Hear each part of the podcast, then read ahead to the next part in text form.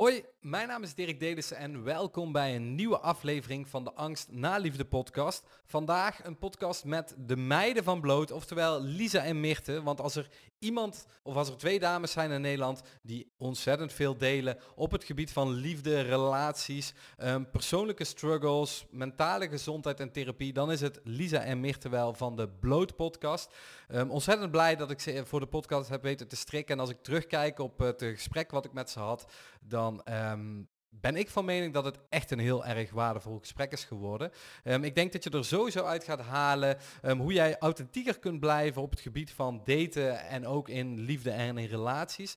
Een thema waar ik ontzettend veel mensen mee zie worstelen. Dus echt een aanrader om uh, deze podcast daarvoor te beluisteren. Daarnaast hebben we het ook veel over therapie en de do's en don'ts. Dus mocht jij op zoek zijn naar een coach of therapeut en daar soms over nadenken van gaat me nou wel helpen of niet en moet ik dat nou binnen het reguliere pad zoeken of wat, wat past nou bij mij en wat helpt me echt verder, dan is deze podcast ook echt een enorme aanrader. Ik weet zeker dat je hier meer helderheid voor jezelf gaat krijgen na het beluisteren van uh, deze podcast. En natuurlijk nog echt veel meer. Um, dus um, ja, bij deze welkom, fijn dat je er bent. Um, dankjewel ook uh, voor alle reacties die ik altijd na deze podcast uh, ontvang. Dat is echt ontzettend fijn. Dat helpt mij sowieso ja, te motiveren om natuurlijk deze podcast voor jullie te blijven opnemen. En daarnaast helpt het me enorm om, um, ja, om nieuwe, nieuwe sprekers en nieuwe thema's um, te krijgen voor de podcast. Dus mocht je op dit moment denken, hey Dirk, ik heb wel een fijn thema of een belangrijk thema of een vraag of een andere worsteling die je graag behandeld wil hebben in de podcast, stuur me vooral een bericht of je uh, weet een leuke gast of je wil mij zelf als gast in een podcast die jij vaak luistert. Nou, dan weet je me te vinden via Instagram, stuur me een DM of um, je mag me ook altijd even mailen op dirk.dirkdelissen.nl of dirk.delissen uh, via Instagram. Stuur me gewoon even een DM en um, sowieso leuk om samen kennis te maken. Voordat ik de podcast ga starten, als laatste toch nog even uh, dit. Mocht jij merken dat jij gedurende de podcast of na de podcast merkt dat het eigenlijk wel fijn is als er een ervaren coach-therapeut even meekijkt in, op het gebied van jouw eigen mentale gezondheid, jouw eigen liefdesleven, eventueel jouw relatie waar je op dit moment in zit of die wens die je daarvoor hebt. Um, dat kun je doen door, als je daar behoefte aan hebt, kun je dat doen door even op de link te klikken naar de podcast in de beschrijving. In 45 minuten um, heb ik in ieder geval sowieso met jou uh, helder waar het bij jou misgaat in de liefde en hoe je dit voor eens en voor altijd um, effectief en toekomstbestendig kan uh, gaan aanpakken. ik kom dan ook met een advies voor jou waar jij dan in ieder geval mee verder kan. En dit gesprek is trouwens gratis, dus um, voel je vrij om het uh, in te plannen. Um, en voor nu um, veel plezier met de podcast en nogmaals dankjewel aan uh, Lisa en Mirte. Een hele goede ochtend. En ik zit hier tegenover twee uh, ontzettend um, leuke dames. Dus welkom uh, Lisa en Mirte van uh, de Bloot podcast. Ja, ja, dankjewel voor de uitnodiging. Wij vinden het ook echt heel erg leuk om hier te zijn. Ja, het is de eerste keer dat wij te gast zijn samen in een podcast. Dus dat, kijk, kijk. Nou, dat eer. Is een, dat is een mooie primeur. Ja. En ik zal jullie even aankondigen, want ik, ik noemde het net al, hè, de, de Bloot podcast. Um, ik heb een aantal afleveringen ook van jullie geluisterd. En jullie spreken echt over van paniekaanvallen, monogamie, liefdesverdriet, band met je ouders. Wanneer heb je uh, seks en wanneer niet? Green en red flags tijdens het daten, therapie, depressie. Echt, jullie gaan echt super bloot, zoals jullie het zelf zeggen, over, over jullie zelf en over allerlei thema's waarvan ik zeker weet dat heel veel luisteraars, ook van mijn podcast, dat echt heel erg gaan herkennen. Maar jullie gaan daar nog een stukje verder in, ook over seksspeeltjes, orgasmes en, en ik ga het maar gewoon zeggen zoals jullie het zelf ook benoemen, een jeukende poes, zeg maar. Dus, dus jullie, jullie hebben daarin ook gewoon... Um, ja, jullie gaan daar echt helemaal uh, bloter in dan in ieder geval um, ik normaal ga in uh, de Angst naar Liefde podcast. Maar um, mede daarom juist zo leuk om jullie uh, hier te gast te hebben.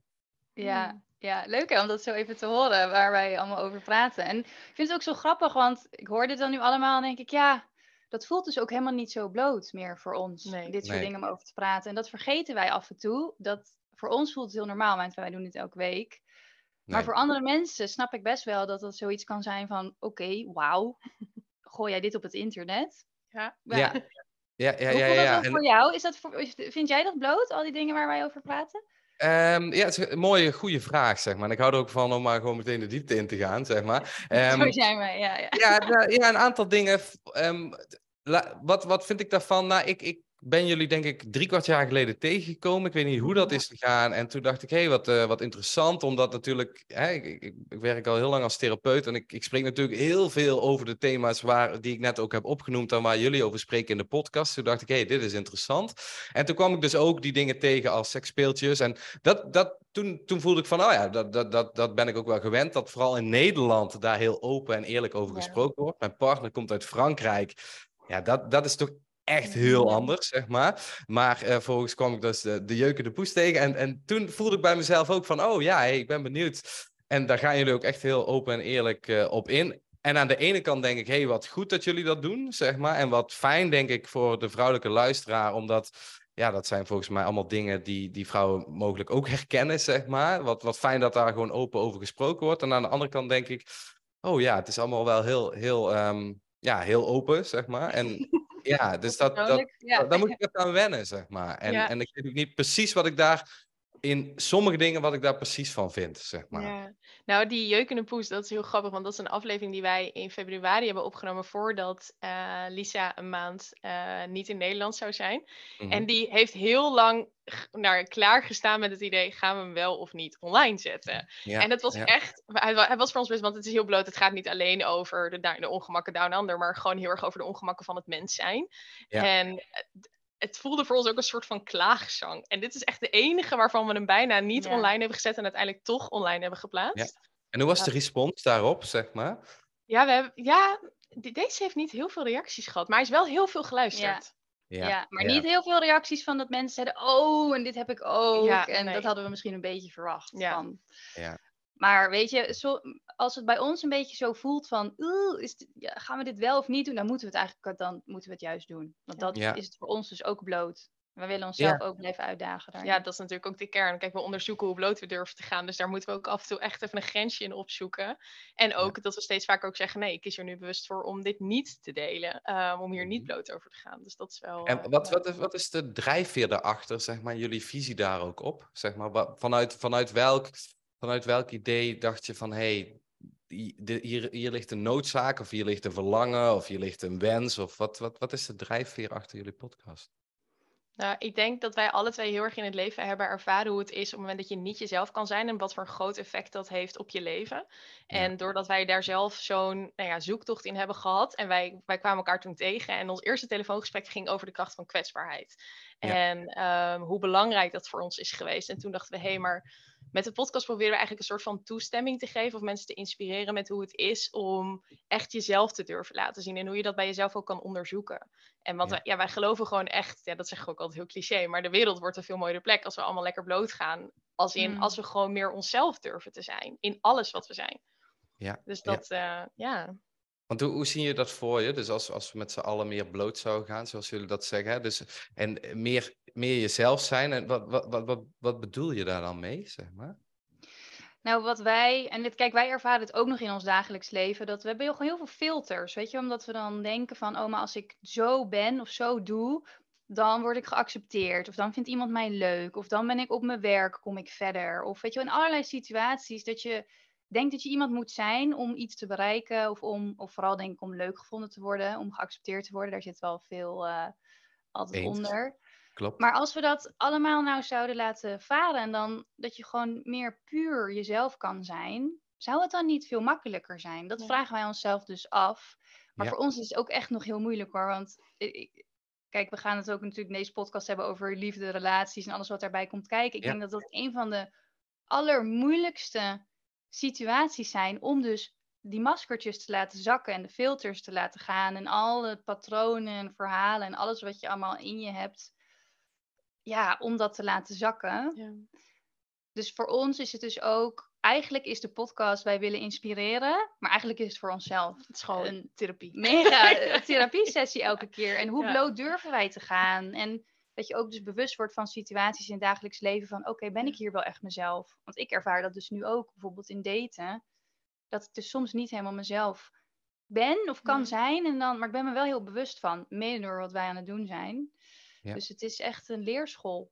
Ja, ja, en dat, dat is ook Ja. wat ik enorm aan jullie podcast eh, waardeer, zeg maar. Jullie omschrijven het ontzettend goed, hè. Jullie zijn daarin heel puur en open ehm, over, over jullie eigen zoektocht erin. En dat, dat, dat vind ik echt het meest interessante aan, eh, aan jullie podcast. En ik denk ook daarom dat jullie podcast ook heel goed werkt, omdat het natuurlijk omdat mensen het zo herkennen. En zoals ik net zei, ik spreek natuurlijk eh, tegenwoordig zo rond de v- 25 tot 30 mensen per week, zeg maar. Met al de klanten. En dus ik heb echt heel veel therapeutische sessies. En ik, ik, Ja. ik dacht van, voor deze podcast laat ik eens samenvatten wat ik daarin tegenkom. En ik ben heel benieuwd of dat ook jullie ervaring is. En misschien ook wel jullie persoonlijke ervaring. Dan kunnen we daar wat dieper op ingaan. Maar wat ik echt ontzettend veel eh, hoor tegenwoordig. Vooral ehm, bij de leeftijdscategorie 25 tot 35. En volgens mij vallen jullie daar ook eh, onder. Hè? Wat ik heel veel tegenkom is burn-out, depressieve klachten, twijfelen wat moet ik met mijn leven, een serieuze relatie willen, maar ergens ook weer niet, zeg maar. In daten heel erg zoekende zijn en dan die hippe datingscoach op TikTok volgen en dan denken, ja, moet ik het dan zo doen of moet ik, ja, wat, hoe, hoe zit dat nou, zeg maar? Moet ik nou echt inderdaad die zinnen gaan zeggen of moet ik nou echt een beetje terugtrekken of, ja, maar wordt het daar niet door gemaakt, hè?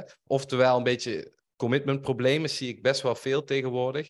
Ehm, onrealistische verwachtingen zoeken, zoekende in ook de veranderende sociale normen, zeg maar, van ja, wat, wat, hoe moeten we dat nou doen met elkaar? Keuzestress en ook wel een balans zoeken tussen carrière en relatie. Dus dat, ik zie jullie bij de meeste dingen ja klikken. Ik Voor de mensen bij die... al deze dingen. Ja, Ja. ja.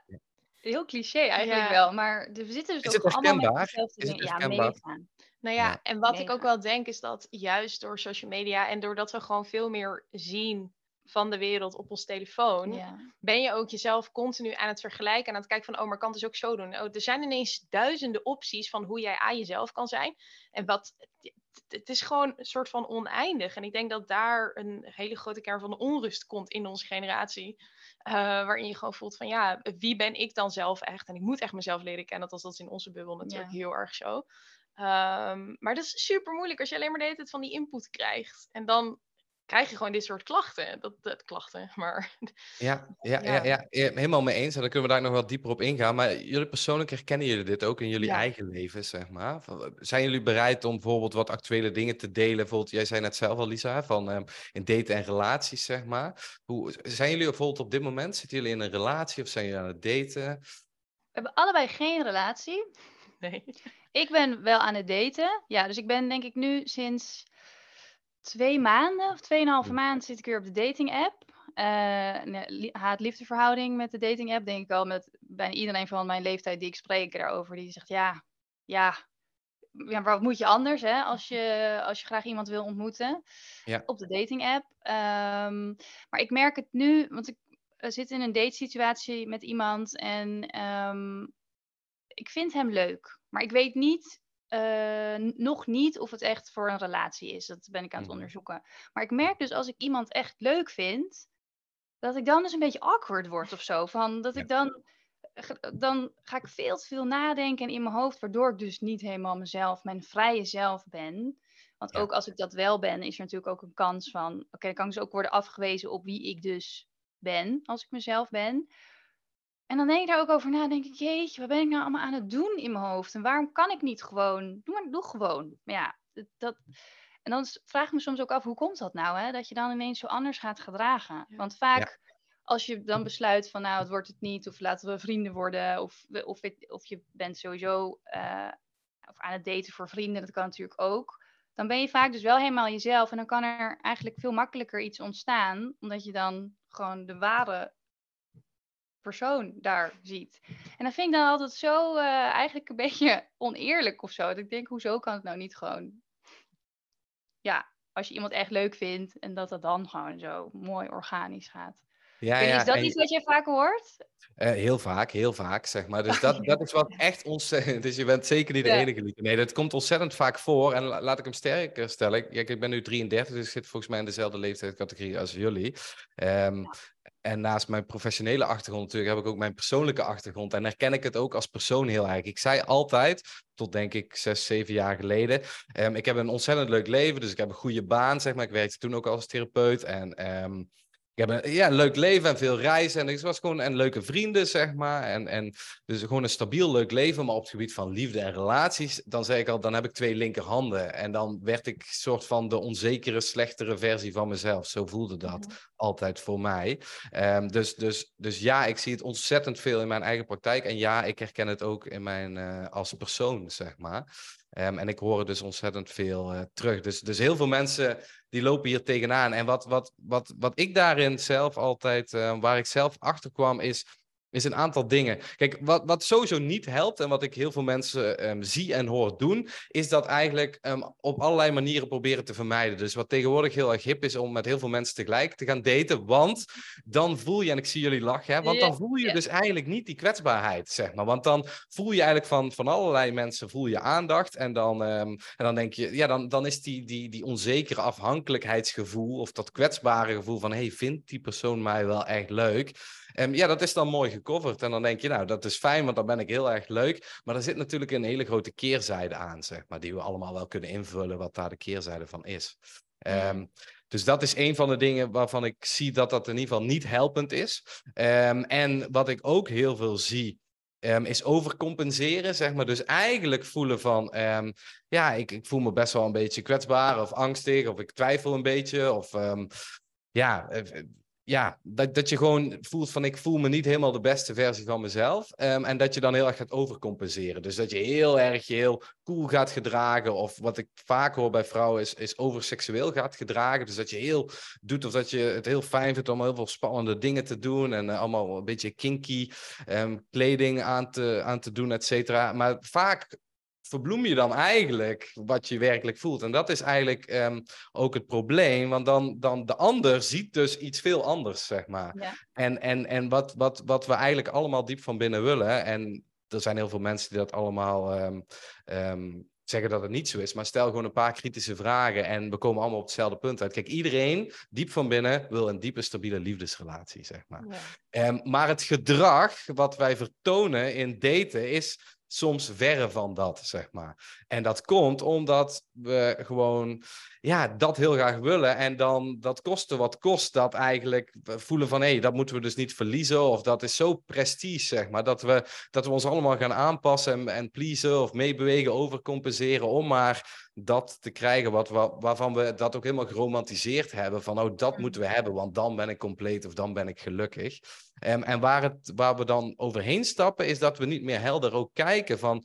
hé, hey, deze man die tegenover me zit, laat ik daar eens een paar goede vragen aan stellen, zeg maar. Los van dat het natuurlijk ook heel gezond is om gewoon plezier te hebben en een bepaalde spanning te voelen. Maar ook gewoon eens een paar goede vragen te stellen. Van, hé, hey, je wilt toch weten of deze gast zichzelf kent en ehm, wat een aantal belangrijke waarden zijn in zijn leven. En of hij überhaupt een beetje door heeft van hoe die... ehm, ja, dan hoef je niet letterlijk te vragen wat is je hechtingsstijl. Maar ik, ik, ja, ik, zeg altijd van als ik weer opnieuw zou moeten daten, want ik zit natuurlijk een aantal jaren relatie, dan zou ik, gewoon dan zou ik het interessant vinden. ehm, heeft de vrouw een beetje haar eigen shit aangekeken, zeg maar. En weet ze een beetje wie ze is en ehm, gaat ze ergens voor staan. En ik zou veel andere dingen willen weten dan wat ik tegenwoordig bijvoorbeeld allerlei hippe datingscoaches eh, allemaal zie eh, prediken. Wat, wat je Ja. wel of niet zou moeten vragen. En in mijn Maar optiek... wanneer zou jij dit soort dingen vragen dan? Al meteen in het Ja. begin? Of- Nee, of- Ja, ja. Ja, dat is een goede vraag, Lisa. Want ehm, kijk, ik zeg altijd, er is geen, geen tijdsbestek. Dus op D2 moet je puntje, puntje, puntje. Kijk, het allerbelangrijkste vind ik altijd dat je, en dat klinkt super cliché, maar dat is echt zo, dat je gewoon ook naar een date gaat van, hey, ik ben gewoon ik en ik ben gewoon happy met mezelf. En als je voelt al meteen dat dat niet zo is, dan zou ik vooral uitnodigen om niet eerst, maar daarnaast, hè, dus je hoeft niet eerst af te zijn om dan te gaan daten, maar gewoon eerst ook gewoon is, is bijvoorbeeld ehm, ja, werk te gaan doen met jezelf. Dus of een goede therapeut te zoeken of eh, veel boeken te gaan lezen. Gewoon eens te gaan snappen van, hey, wie ben ik nou eigenlijk en wat doe ik nou? En wat doe ik als ik onzeker word? En wat doe ik als ik geraakt voel? En wat doe ik als ik eh, iets moeilijk vind? Hoe gedraag ik me dan en hoe kan ik mezelf daarin gewoon dragen en steunen en zien? En eh, dus dat je jezelf in ieder geval goed kent. En vervolgens of tijdens gewoon iemand gaan ontmoeten en gewoon benieuwd zijn van, hé, hey, wie is deze persoon, zeg maar. Zonder dat je heel erg bezig bent van, ben ik leuk voor de ander? Hè? En dat is vaak een dynamiek van, van, binnen, van, van buiten naar binnen. Dus je gaat, wat veel mensen doen, dus je gaat heel erg scannen van, hé, hey, wat, hoe reageert die persoon op mij? Of wat zie ik gebeuren? Of wat zou hij of, hij of zij leuk vinden aan mij? Maar dat, dat, dan, dan ga je dus al meteen aanpassen. Maar als je dus vanaf begin af aan bewust bent van... hey, ik ben dit en dat is echt helemaal prima, zeg maar. En ik weet wat ik wil, of ik weet nog niet wat ik wil, maar ik denk een beetje te weten wat ik wil. En vanuit dit ga ik gewoon eens iemand ontmoeten en ga ik gewoon eens kijken hoe dat dan gaat, zeg maar. En dat is dus vanuit binnen naar buiten. En ik vind dat de meest gezonde ehm, ingangsvorm voor daten. Mooi. Ja, heel Ja. mooi. En ook wel heel herkenbaar. Dat in die rol gaan zitten van, vindt hij mij wel leuk? En dat je dan helemaal vergeet van, wat vind ik eigenlijk van die persoon tegenover mij? En wat wil ik allemaal weten? Ja, Ja, Ja. ja. en, en, en is deze persoon of het gedrag van deze persoon, is, past dat bij mij, zeg maar? Is, is, is dat wat ik wil? En dat, en dat zit ook niet altijd in je hoofd, hè? want we hebben soms de neiging om heel erg in ons hoofd te gaan zitten, want in ons hoofd, dat is natuurlijk, ehm, ja, hoe kan ik dat kort uitleggen? Dat, die, die wil jou behoeden voor pijn, die wil jou behoeden voor verdriet, zeg maar. Dus dat is eigenlijk dat, ja, ik zeg altijd dat rupsje nooit genoeg in je hoofd, die altijd maar drama naar je gooit, zeg maar. Dat heerlijk vindt om, eh, om daarin te herkauwen, zeg maar. Al die drama of al die angst en al die onzekerheden. Kijk, maar hij heeft natuurlijk, dat rupsje nooit genoeg heeft natuurlijk best wel een, een goede bedoeling. Die wil jou gewoon behoeden voor van alles. Alleen, ja, feitelijk gezien werkt dat niet zo, zeg maar. Dus hij behoedt je vaak niet voor, voor pijn en verdriet. En, ehm, en is het veel belangrijk om meer dat intuïtief gevoel te volgen. Want dat voelen jullie ook. Als je met iemand aan het daten bent, dan voel je echt wel van... Hé, maar waarom, waarom, waarom gebeurt dit? Of waarom doet hij nou eigenlijk dat? Maar vaak durven we dat dan niet te vragen. En dat hoeft niet eh, met een heel serieus vragenvuur. Ja, eh, gisteren zei je dit en ehm, ja, ik heb al, ik- al... Mijn vorige mannen, die gingen allemaal vreemd. Dus ik moet toch even van jou weten van hoe zit het nou bij jou? Hè, dat is meteen druk, pressure. Maar je zou ook kunnen zeggen van, hé, hey, eh, je zei dat, wat bedoelde je er eigenlijk mee? Zeg maar, in die verwondering gewoon van, hé, hey, of, of ik merk van, oeh, ja, ik, ik, bij mij deed dat wel iets, eh, maar hoe zit dat dan, zeg maar? Mhm. De luchtigheid erin, maar wel gewoon durven te vragen van, hé, hey, hoe zit dat bij jou? Ja, het is ook wel, ik denk dat wij dat allebei ehm, best wel goed doen. Ja, goed. Dat is... maar ehm, wat ik heel erg aan ons merk, in ieder geval ook bij mezelf zie, is dat ik best wel snel die emotionele verbinding aanga. Eh, misschien zelfs een beetje te snel. Als in, Mhm. ik heb, eh, ben nu 2,5 jaar vrijgezel, kom uit een relatie van 7 jaar. En ik heb de afgelopen, de eerste keer dat wij elkaar spraken, was ik nog met een man aan het daten. Ehm, heb ik voor het eerst, zeg maar, echt serieus met iemand gedate voor vier, Mhm. vier en een halve maand. En ehm, dat is nu klaar, althans. Ik heb besloten om die verbinding te verbreken, omdat het gewoon voor ons beiden niet dienend was. Mhm. Maar ehm, daar is zoveel in gebeurd. En daarin ben ik, is hij heel erg getriggerd en ik heel erg getriggerd. En hebben echt zeg maar een soort van nieuwe dimensie in onszelf, denk ik, ontdekt. Waarin we dachten van wow, ik dacht echt al dat ik heel veel werk had gedaan. Maar nu in onze dynamiek kom ik erachter dat het eigenlijk nog echt heel lastig is. En wij zijn alle twee mensen met best wel een zware rugzak. En wat er gebeurde is dat onze dynamiek gewoon een beetje ja, toxic werd voor elkaar. Terwijl we echt ehm, elkaar allebei ontzettend leuk vinden. En, en heel erg voelen van ja, het zou zomaar te kunnen zijn. Maar onze dynamiek werkte gewoon niet. Mhm. En hij zei, ik kan me nog heel goed herinneren dat hij op een gegeven moment zei: Ja, maar Meert, jij wilt emotioneel zo snel gaan, maar op alle andere gebieden hou je afstand. Ehm, en dat is echt mijn coping. We hebben hier gisteren toevallig een heel mooi gesprek over gehad, omdat ik echt best wel verdrietig ben over de situatie en heel erg me afvraag van wat is nou kloppend, weet je wel? Is het inderdaad dat ik mijn hart moet volgen of is het de angst die ik voel? Maar we hadden daar een gesprek over en toen zei ik ook van ja, maar als ik emotioneel met hem altijd de diepte in ga, heb ik controle. Want dan weet ik wat er bij er gebeurt. En, dan, dan, en dat is heel erg mijn overlevingsmechanisme. Is iemand gaan Mhm. bevragen, zodat ik snap hoe iemand werkt. Want dan Mhm. heb ik de touwtjes in handen. Ja, precies, precies. Hè? Dus dan, dan ga je diep bij de ander, Ja. zeg maar, omdat je dan zelf regie hebt, zeg maar. Ja, ja, dus Ja. waar de meeste mensen moeite hebben, denk ik, met juist dat soort gesprekken aangaan, doe ik het misschien wel te veel en te vaak. En heeft het heel erg zo'n lading in, in, in het daten, in de relaties. Ja, ja, ja, ja dat, zou, dat zou best wel eens kunnen. En ik, ik ben wel heel benieuwd wat je daarover wilt delen. Wat, wat waren voor triggers, zeg maar? Wat, wat, wat, wat gebeurt er dan precies? Ehm, wat gebeurde er precies? Nou, Dirk, heb je even? ja, nou ja, wat. ehm, ik zit even te bedenken of ik een, of ik een specifieke situatie heb. Ja, wat ik, wij, op een gegeven moment heeft hij mij als verrassing meegenomen naar Parijs. En voor mij is ehm, naar een andere stad gaan. Ik moet er altijd echt even aan wennen. Helemaal als ik het niet wist. Ik wist niet dat we naar het buitenland zouden gaan. En we zaten op een gegeven moment op de eerste avond in een restaurant. En er zaten een paar, wel een paar wijntjes op. Ik was super moe. En dan kan ik van mezelf een beetje angstig worden. Ja. En um, ik probeerde dat bij hem aan te kaarten. En een beetje mee te nemen. Want hij zei van, joh, er is iets met je. Wil je het delen? Dus ik vertelde dat. En echt een minuut later zei hij, weet je, ik word een beetje moe van dat het altijd zo zwaar was. Zo zwaar is met je. En dat is heel erg bij hem een trigger vanuit zijn verleden. Maar op dat moment was het nog niet echt helder. Maar ik kreeg gelijk het gevoel, zie je wel, ik ben weer te zwaar. Ik ben niet goed genoeg. Ik kan mijn angst niet met je delen. En dat was... En zo zijn er heel vaak van die momentjes geweest in onze verbinding... waarin we alle twee zo in onze eigen pijn zaten. Ja. Dat het gewoon... Oh, ja. Ja. En dat is... Ja. het is zo stom.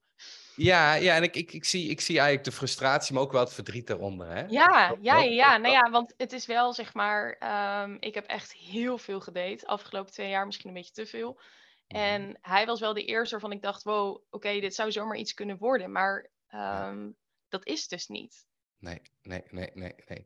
Ja, en wat ik, wat ik hierover, maar, maar ik ben benieuwd hoe jij dat ziet, hè, maar, en, want ik ken je nog niet zo goed, maar wat ik hierover zou, zou kunnen zeggen, want wat ik hoor eigenlijk, eh, Meert, is dat jij volgens mij best veel werk hebt gedaan en je zegt ook, eh, volgens mij zei je net, ik weet niet of het de juiste woorden waren, maar een heftig verleden of veel meegemaakt, Mhm. of, en misschien ook wel trauma's die eronder zitten. En, al, en, en ik denk dat veel mensen dit gaan herkennen, die al best wel veel werk hebben daarin verricht, en die op een gegeven moment ook leren van, hé, hey, maar mijn behoeftes doen ertoe en ik mag die gaan bespreken, zeg maar. Hè. Bijvoorbeeld, ik ben zelf ook schematherapeut en wat, wat je eigenlijk mensen echt probeert te leren, is dat jouw behoeftes ertoe doen. Dus dat je die serieus gaat nemen en dat je daarin ook zorg voor gaat dragen. Bijvoorbeeld het bespreken met de ander. En nu komt vaak het dingetje wat ik altijd wel een kanttekening plaats. En ik heb dat zelf bedacht. Ik noem dat een beetje de 60.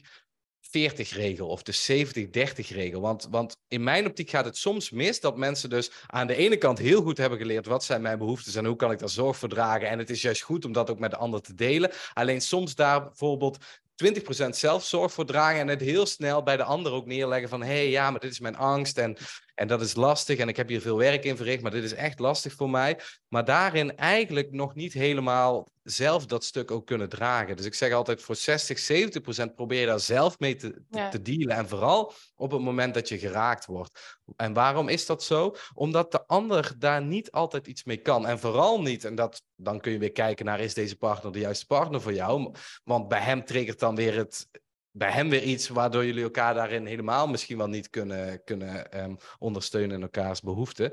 Maar sowieso is het voor de ander sowieso in general heel erg lastig om helemaal zorg te dragen voor.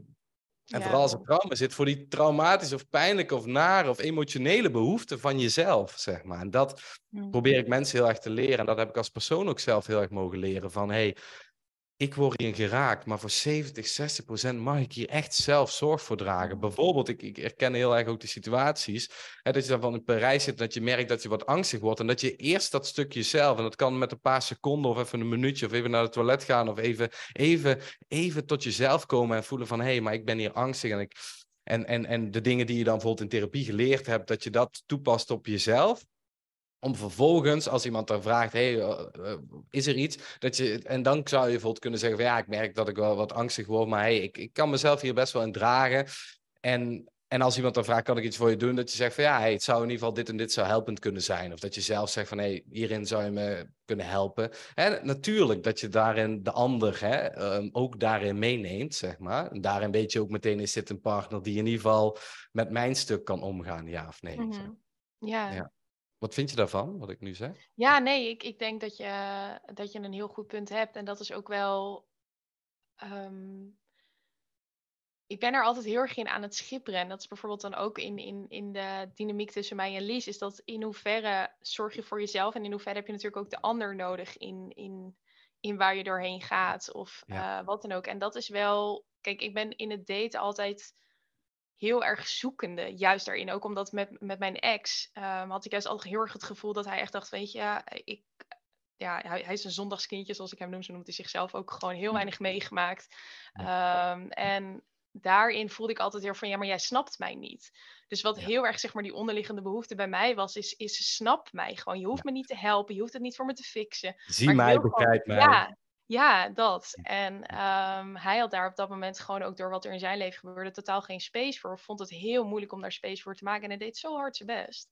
Maar Ja. dat is inderdaad in. Maar dat is misschien denk ik ook wel een van de moeilijkste dingen voor mij in ieder geval. Is die bewustwording, die is zo aanwezig. En inderdaad ook het werk wat ik erop heb gedaan. En ik heb vanaf mijn zesde al therapie gehad. Ja, Maar ja. in het moment zelf kunnen zien, oh wacht even. Nu in dit, en dat heb ik bijvoorbeeld wel met triggers in gesprek en zo kan ik dat heel goed. Maar als ik zelf echt in die angst zit, is het voor mij heel moeilijk om letterlijk even eruit te kunnen stappen en te kunnen zien, wacht, dit is mijn angst. Hm. Ehm, helemaal als ik moe ben en er alcohol in het spel is, dan is het echt heel lastig. 100 procent, 100 Ja, je omschrijft het supergoed. En misschien heel interessant, denk ik, voor de luisteraar, misschien voor jullie ook. In een spoedcursus schematherapie, wat ik altijd uitleg, hè, wat er eigenlijk gebeurt, is dat je, hè, we, hebben, we hebben een stukje schema's, zijn meer cognitieve, dus meer allerlei gedachtepatronen in je hoofd, zeg maar, die triggeren een bepaald gevoel. En dat gevoel, en we noemen dat een modi, zeg maar, dat is eigenlijk een gemoedstoestand. Dus als ik nu aan jou zou vragen, Meerte, van, hey, ehm, hoe voel je nu?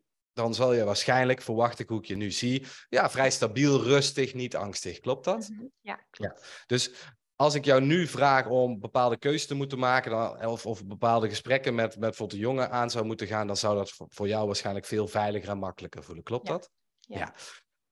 Op dat moment in Parijs, dat je daar zit, zeg maar, voelde jij je letterlijk zoals je je nu voelt? Nee, ja, nee. Nee, want hoe voelde je op dat moment? Als we puur kijken naar dat gevoel, los van de gedachten, hè? Puur kijken Ja, naar het gevoel. gewoon die, die onrust en die angst, die zat gewoon in mijn lijf. Het was gewoon zo, het nam me helemaal over. Ja. Ja, onrust, angstig. Ik heb nu iets nodig om, Ja. om me gerust te stellen, zeg maar. Mhm. En dit noemen we eigenlijk vanuit de schematherapie een modi, zeg maar. Dus dan komen we eigenlijk in een gemoedstoestand en dan wordt getriggerd door een bepaalde situatie of bepaalde gedachten. En je zegt het heel erg goed, als we moe zijn of bij alcohol bijvoorbeeld, dan kan dat versterkt worden. Maar dan komen we in die gemoedstoestand en dan kunnen we elk boek gelezen hebben ehm, over liefde en relaties. Van, oh, en dan moet ik dit doen en dat doen. Maar dat is allemaal rationeel, dus dat zit allemaal in je hoofd. Maar dat gevoel, dat zegt, dat schreeuwt bijna van, je moet nu deze kant uit. Er moet nu voor je gezorgd worden.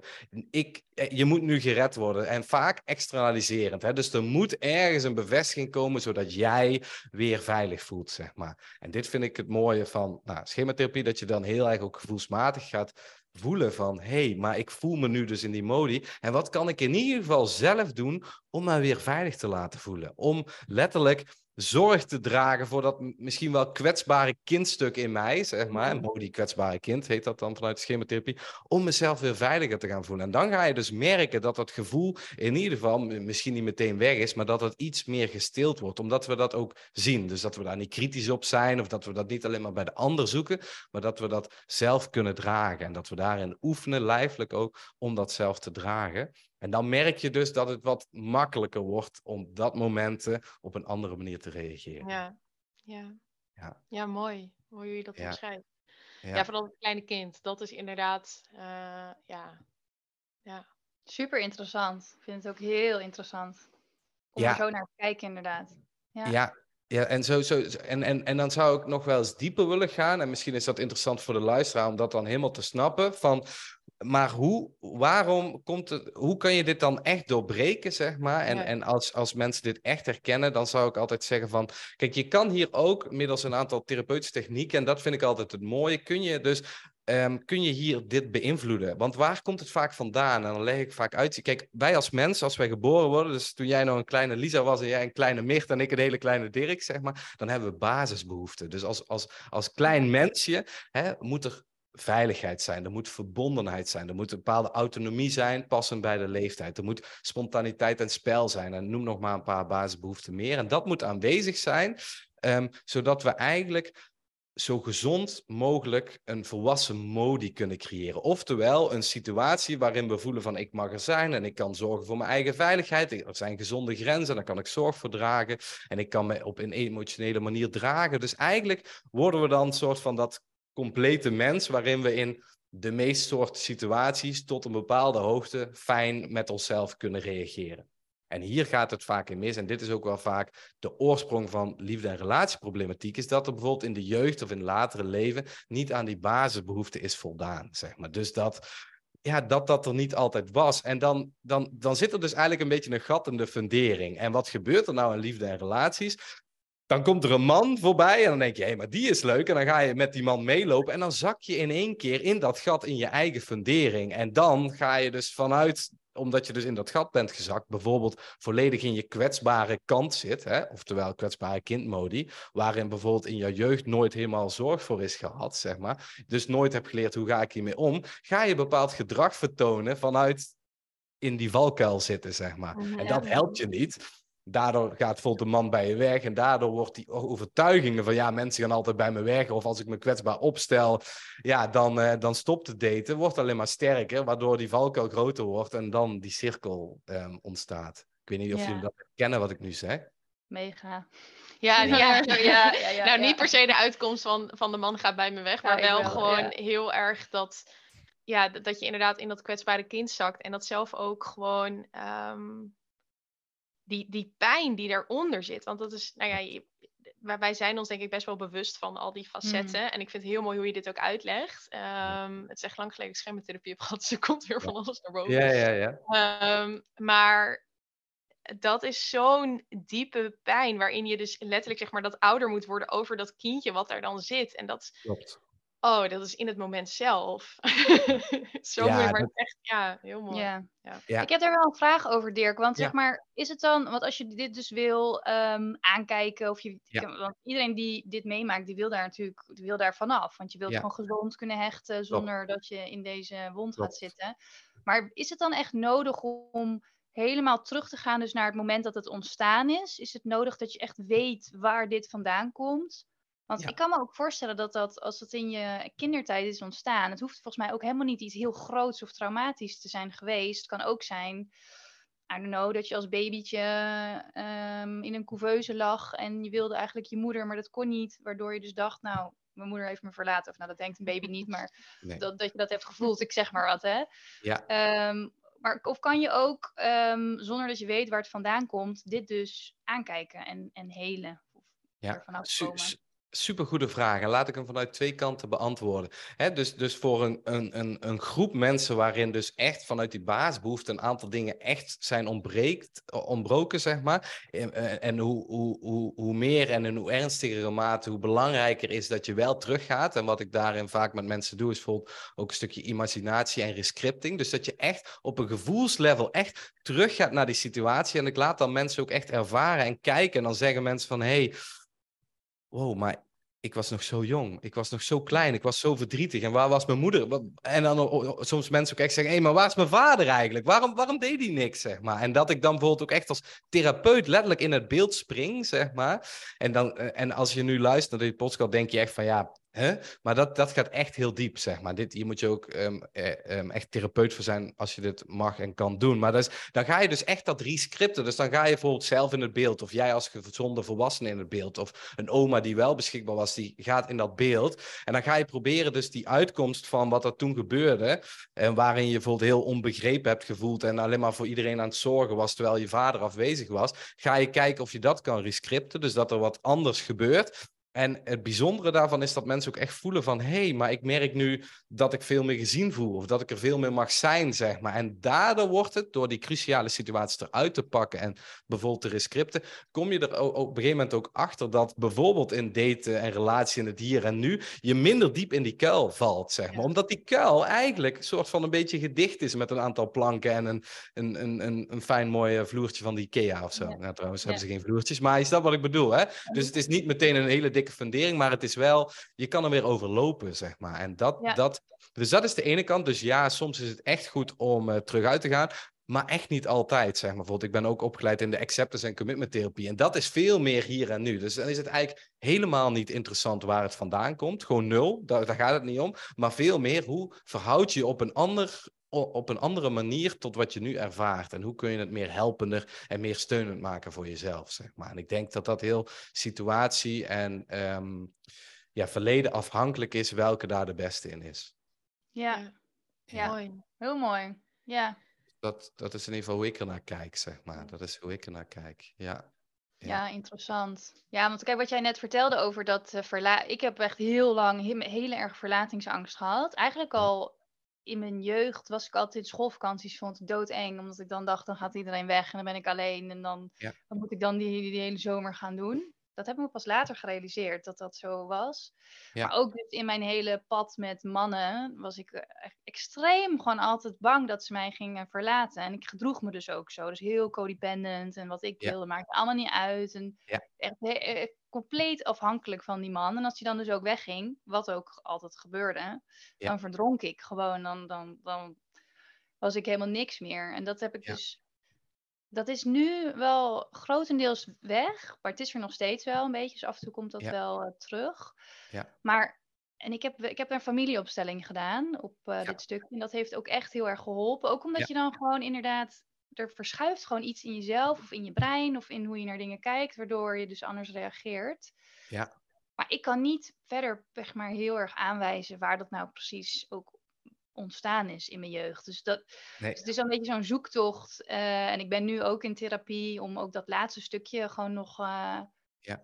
Te, te helen. En we doen dus nu ook EMDR, omdat er wel wat Ja. situaties zijn waar, ehm, Ja. waar we dus het gevoel verplaatsen of, of in ieder geval een ander gevoel voor terugzetten. Zo werkt dat Ja. volgens mij. Dus dat je inderdaad vervelend gevoel ga je dan helemaal voelen. En dan ga je daarna een heel fijn gevoel eigenlijk ehm eroverheen eh, of in de plaats zetten. Ik weet niet of ik het zo goed uitleg.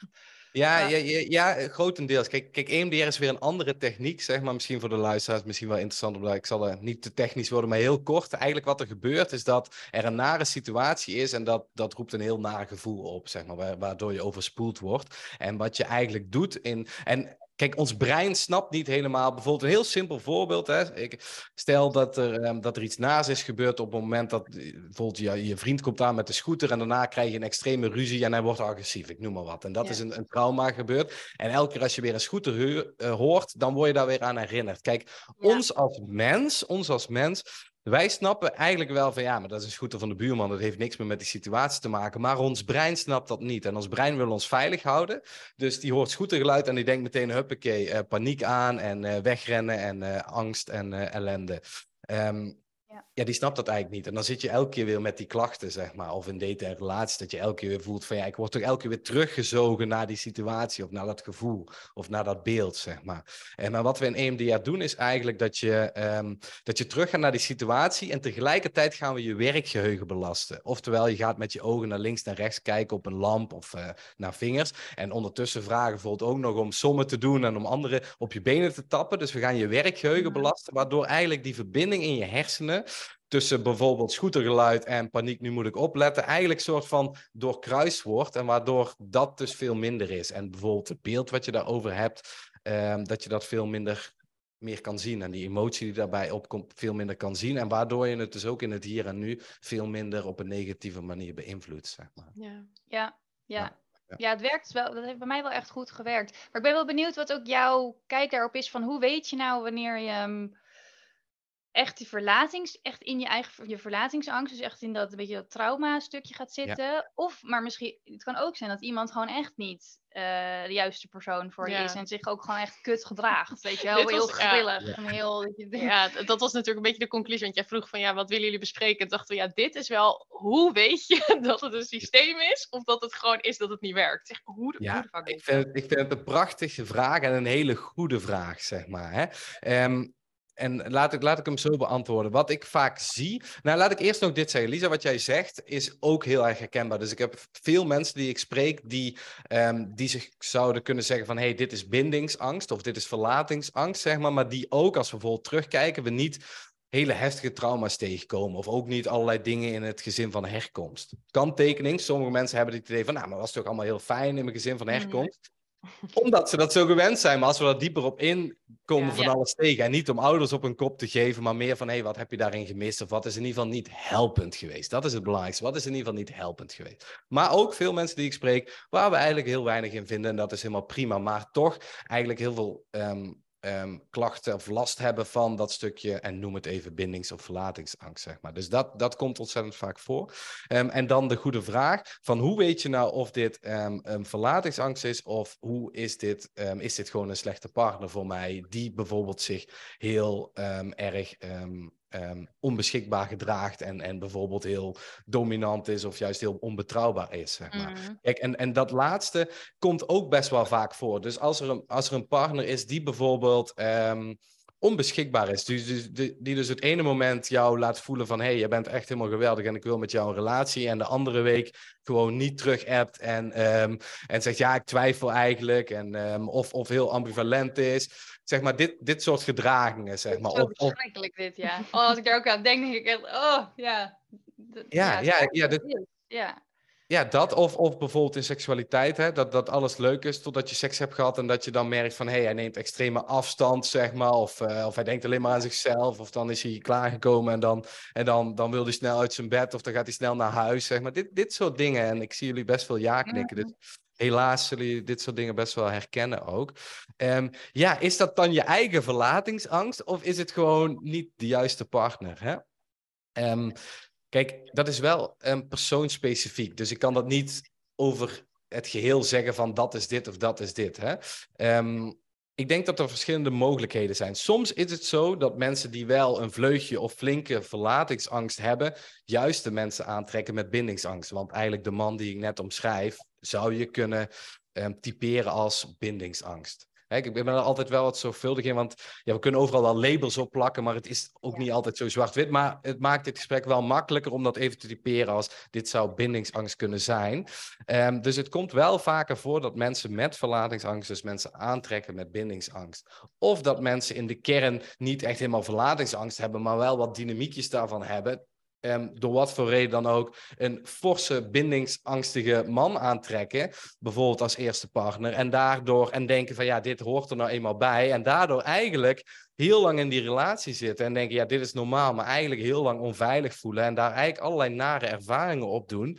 En dan uiteindelijk door wat voor reden dan ook gaat die relatie uit, omdat je het zelf niet meer trekt, omdat uh, je vriendinnen zeggen je moet er hier nu mee stoppen, of dat er iets heel naars gebeurt, of dat hij vreemd gaat, dat je denkt oké, okay, nu moet het wel stoppen. En dat je daarna achterkomt, hé, hey, dit was helemaal niet goed voor mij. En dat zou natuurlijk een bijdrage hebben kunnen leveren aan ja, de mate van verlatingsangst, zeg maar, die dan toeneemt, zeg maar. Ja, ja. Ja, zijn ze in koor. Ja, ja.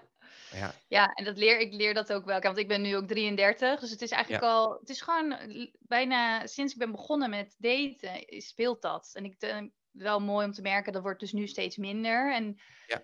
ik voel ook wel dat als een man zich grillig gedraagt, dan is dat ja. dus gewoon niet voor mij. Want dat is dus, nee. dat, ik zoek dat niet. Ik zoek iemand die gewoon ervoor gaat, weet je wel. En die mij het gevoel geeft dat het, dat het veilig is. En dus Zeker. het is ook wel telkens, telkens die graadmeter van oké, okay, wat voor gevoel geeft mij dit? En is het inderdaad gewoon wel echt valid van... Ja. Is dit echt wat ik voel? Maar dat is, moet je toch ook inderdaad wel eerst bewust van zijn. En continu bij jezelf inchecken. Ja. En ja, ook dat stukje waar jij het eerder over had, want we willen natuurlijk allemaal, ik wil ook diep in de kern en gewoon een vaste relatie. En, ik, ik en een liefdesbaby, want dat weet ik uit jullie, ja, ja, ja. Uit jullie podcast. Want ik vind het al prachtig hoe je daarover spreekt. En dan zegt Meerte zo van, ja Lisa, ja, jij wil de liefdesbaby zeg maar. Ja, we zeiden gisteren al van, dit wordt echt gewoon een begrip. Wij gaan dit een begrip maken, ja, de liefdesbaby. Ja, ik, ik, ik, ben voorstander, ik vind het een mooie term. Ja. ja, en ik eigenlijk dus, ik weet heel goed wat ik wil. En dan maar toch is het dan dus moeilijk om daarnaar te gedragen. Als je dus date met iemand, ook nu dus in mijn datesituatie, hij laat dat eigenlijk niet zien nu op dit moment. Nee. En dan ga ik toch twijfelen, denk, maar het is wel leuk, weet je wel. En is het niet op papier. Op papier klopt het heel goed. En kan, terwijl eigenlijk is het vrij duidelijk. Ja. En is hij nu niet, hij is niet degene die deze dingen aan mij gaat geven. Dus dan moet nee, ik eigenlijk gewoon verder gaan kijken. Ja, dan heb je maar, echt het antwoord al, hè? Mijn, mijn gevoel zegt, ja, maar, mm, maar hij is wel leuk. En... Oh ja. Ja, ja we zien vaak de potentie, zeg maar. Dus we zien de potentie, want hij is leuk en hij, is, uh, hij ziet er leuk uit en hij heeft een leuke baan en hij uh, sport en hij uh, zou een ideale vader zijn, want ik zie dat hij dit en dit en dit allemaal doet. Um, maar ja, eigenlijk is hij niet helemaal beschikbaar. En, en ik merk ook wel dat hij, dat, hij, ja, dat hij mij eigenlijk niet die veilige gevoel geeft. En dat hij mijn emoties of misschien ook niet helemaal kan dragen. En dat hij eigenlijk een beetje onbetrouwbaar is. Dat betekent niet dat hij vreemd gaat, maar dat hij niet, ja, niet, niet, um, niet consistent is in een aantal dingen, zeg maar. Kijk, ubermensen en ubermannen bestaan niet, maar je snapt wat ik daarin bedoel, zeg maar. Mm -hmm. Maar in ons hoofd hebben we hem dan toch geromantiseerd en dan willen we toch dat dat helemaal werkt. En dan zei ik altijd, ja, potentie is, eh, is wat het is, is potentie. Maar het is natuurlijk niet de werkelijkheid in het hier en nu, zeg maar. En als ik daarop op in mag gaan, uh, Lisa, want ik vind het super mooi. Je bent een 33-jarige vrouw, je hebt je leven goed voor elkaar, je wil een fijne liefdesbaby. hey, wat, wat mooi, zeg maar. Wat, wat mm. fijn dat jij weet wat je wil, dat je weet volgens mij wie je bent. En ga ervoor staan, zeg maar. Ga ervoor staan. En voor minder. En dat betekent niet, dit is niet een uitnodiging. Ja, voor minder moet je het niet doen. Want dat zie ik ook. Heel veel mensen tegenwoordig doen. Dat overcompenseren. En van ja, en ik heb mijn eigen baan. En ik, eh, ik, ben, eh, ik ben hip en mooi en knap. En ik ga lekker naar Ibiza op vakantie. Ik ga nu heel, heel erg chargeren. Hè? Maar, en, En, en mannen moeten maar uh, op zijn knieën. En uh, heb heel veel overcompenseren. En dan denk ik, ja, dat is ook niet. Maar wel gewoon een gezonde mate van. hey, um, ja, dat, ja ik, ik, ik ben gewoon goed zoals ik ben. En ik weet wat ik wil. En ik wil gewoon een fijne vent uh, die natuurlijk gewoon een leuke baan heeft en goed voor zichzelf zorgt. Maar die ook gewoon de vader van mijn kind, van mijn liefdesbaby kan worden, zeg maar. Van mijn kinderen kan zijn. En dat dan ook eerlijk naar durven te kijken. Want ik zie tegenwoordig heel veel jongeren dan ik had pas een gesprek met een, met een, uh, een klant en, en, en ze is nu uit de relatie en dan zegt ze van ja, maar uh, ja, ik ben nu aan het daten, maar ja, uh, zou rustig aan, rustig aan. Maar als ik een beetje doorvraag, dan zegt ze ja, nee, maar ja, ik wil eigenlijk wel gewoon iets serieus. En ik wil, ja, ik wil eigenlijk de vader van mijn kind. En ik zei, maar waarom ga je daar dan niet voor staan, zeg maar? Ja, maar ik wil het ook niet te serieus maken vanaf het begin. Dan zei ik, nee, maar je hoeft ook niet op date 1 meteen te zeggen, hé, hey, luister vriend, uh, ik wil wel een kind en ik wil een baby en ik wil weten wat je hechtingsstijl is en ik wil wel dat je dit en dit niet doet en dit heb ik van je nodig. Ja, dat, dat is hem niet. Maar gewoon zoals je zelf bent, met een stukje spontaniteit, een stukje gezelligheid, maar ook je serieusheid, zeg maar. En dat alles bij elkaar durven te laten zien. Want volgens mij, als ik het zo hoor, Lisa, wil je ook niet nog zes, tien andere dates met 16 verschillende mannen, om er vervolgens achter te komen dat dat allemaal niet is, zeg maar. Nee, Nee, ja. En ik merk dus ook wel door dit soort weer situaties, ik word dan wel een beetje moedeloos hoor, af en toe. Dus dan denk ik van ja, lukt het lukt, lukt niet. Nou ja, en dat, dat, is is ja, en daar, ik, ehm, ik ben ook heel benieuwd hoe dat voor jou is geweest, want je schetste net een beetje een beeld en je zit nu dus al best wel lang in een relatie. Um, hoe heb jij vertrouwen gehouden in de liefde? Want dat is wel, bijvoorbeeld als ik naar mezelf mm. kijk, uh, wat jij hebt met je liefdesbaby. Ik was op een driedaags event en daar deed een visualisatie. En toen zei hij, uh, dat ging over je bucketlist, wat je graag zou willen. Zei hij, ja, misschien wil je wel de liefde van je leven ontmoeten. Nou, ik brak gewoon. Ik dacht, ja, dat wil ik echt heel graag. Maar het was voor het eerst dat ik zo dat verlangen kon voelen. Um, maar dat, mijn hoofd ging gelijk, nee, maar dat, dat, dat, bestaat toch niet voor jou, weet je wel. Dus hoe, hoe heb jij dat vertrouwen vastgehouden? Hoe heeft dat voor jou gewerkt? Ja, super mooie vraag. Super um, goede vraag ook die heel veel mensen ook, ook aan mij stellen. Of in ieder geval niet die vraag stellen, maar wel waarin ik merk van dat ze eigenlijk het vertrouwen verliezen, zeg maar, in de liefde. Hè? Um, wat, wat ik in ieder geval merk, is dat mensen sowieso het vertrouwen verliezen in de liefde, omdat ze zichzelf nog niet helemaal kennen, zeg maar. Dus dat is denk ik wel oorzakelijk wel even belangrijk om te weten, doordat ze zichzelf eigenlijk nog niet zo goed kennen en ook niet precies zien wat er gebeurt, zeg maar. Dus wie zit er tegenover je en wat gebeurt nou eigenlijk in in het daten of wat gebeurt er nou in de relaties. En daar dus heel veel um, ellendige, nare ervaringen in opdoen. En dat stapelt zich op en daardoor um, de, de hoop verliezen. En dan zei ik altijd, hé, hey, maar daar kun je heel hard aan werken, zeg maar. Dus, en dat, dit stuk, daar geloof ik ook in, zeg maar. Dus hierin... Um, ja, ga boeken lezen, ga iemand daarvoor vinden, een goede, goede therapeut. Ga, ga aan dit stuk werken dat je jezelf helemaal snapt. En vanuit, en daarna zeg maar, ja, daarin vind ik dat je iets minder invloed hebt. En daarom ben ik ook niet zo fan van al die hippe TikTok datingsadviseurs die dan zeggen, ja, je moet dit zeggen, je moet dat aan doen of je moet dat niet doen. Ja, ja, hebben we daar nou werkelijk invloed op, zeg maar? Hoeveel invloed hebben we daar nou werkelijk op? Om, om dan, als je dan in ieder geval, niemand is perfect, maar als je een beetje weet van dit ben ik en dit werkt wel en dat werkt niet en, en ik kan mezelf dragen en dan ga je weer gewoon op zoek naar een leuke man, of er komt een leuke man voorbij, of een vrouw, of net waar je op valt. Ja, er zijn natuurlijk zoveel factoren waardoor het goed of niet goed kan gaan, zeg maar. En dat, Um, ja, ik, ik vind dat je daar niet extreem veel invloed op hebt. Je hebt er altijd invloed op, maar niet extreem veel, zeg maar. En hoe hou je daar dan in de hoop? Nou ja, sowieso het allerbelangrijkste is dat je gewoon, gewoon fijn bent met jezelf. En dat je gewoon ook het daten bijvoorbeeld ook niet ziet van, nou, hij moet nu daar komen. Dus en daar heel veel druk op legt, maar gewoon van mens tot mens. Dus niet met zes andere mensen tegelijk daten. Nee, van, hey, deze man kwam voorbij en wat, wat interessant, ik ben benieuwd. En daar als mens gewoon contact mee gaat maken. Gewoon, gewoon is van wie ben jij, wie ben ik en wat, wat gebeurt er als wij als twee individuen samenkomen. En daar ook van genieten, zeg maar. En dat kan dan zijn dat je ja, dat je dan na een paar gesprekken erachter komt van, hé, maar dit is het niet. Maar dan heb je in ieder geval een mooie connectie gehad, zeg maar. En dan, snap je wat ik daarmee bedoel? En dat Ja. er op die manier ook in staan, eh, maar vooral, vooral, vooral heel goed met jezelf zijn, zeg maar. En ja, ik denk dat dat het beste advies is om daar hoop in te houden. En als ik dan kijk naar mezelf, bijvoorbeeld toen ik op Tenerife was, eh, voordat ik mijn partner daar ontmoette, zeg maar. Misschien wel interessant waarin ik merkte van dat wel en dat niet. Dus, dus ik had de neiging om een beetje op onbeschikbare vrouwen te vallen, die bijvoorbeeld wat meer bindingsangst hadden. En dat, dat merkte ik dan ook. Ja, en dan vond ik dat echt wel jammer, want toen dacht ik, hé, hey, maar dit, dit is echt een leuke vrouw. Dit is, dit, is, dit is fijn, dit voelt goed. En dan merkte ik al van eh, dat ze na twee keer bijvoorbeeld eh, minder gingen appen of zeggen van ja, ehm, ja, misschien of ik weet het nog niet. Of van ja, ik weet ook niet of ik, of ik me nu wil binden of whatever er allemaal dan uh, teruggezegd wordt. En dan dacht ik, oké, okay. en dan dacht ik van, nou, dit is niet goed voor mij, dus dan stopte ik dat. En vaak kwamen ze dan weer terug, maar dan zei ik van, ja, sorry, ja. het spel ga ik, ja, daar ben ik een beetje klaar mee, zeg maar. En ik had gewoon een, een prima leuk leven en ik deed gewoon leuke dingen. En natuurlijk, um, ik had ook wel eens een date dat ik gewoon dacht, nou, ik vind het ook gewoon fijn om eens gewoon een keer gewoon uh, intimiteit of seksualiteit met iemand te hebben, zeg maar. Was ik altijd meteen super eerlijk en open over, zo van, hey, ik ben eigenlijk wel klaar voor een serieuze relatie, maar ja, ik, ja, die is er nu niet. Dus ik vind het ook gewoon fijn om gewoon af en toe met iemand te zijn. En ja, hoe voelt dat voor jou? Zo sta ik erin. En dan kwam ik wel ooit iemand tegen die ook zei van ja, ik kijk ook wel, zeg maar. En dan, dan hadden we daarin soms een, een fijne tijd. Wat natuurlijk altijd risky is en wat natuurlijk altijd triggers heeft. En dat, is altijd wel heel belangrijk om dat gewoon ook eerlijk te zien, zeg maar. Um, en vooral heel eerlijk naar elkaar te zijn. Want ander de neiging is dat de ander toch weer verwachtingen gaat hebben. Dus je moet daar wel echt heel duidelijk in zijn met elkaar.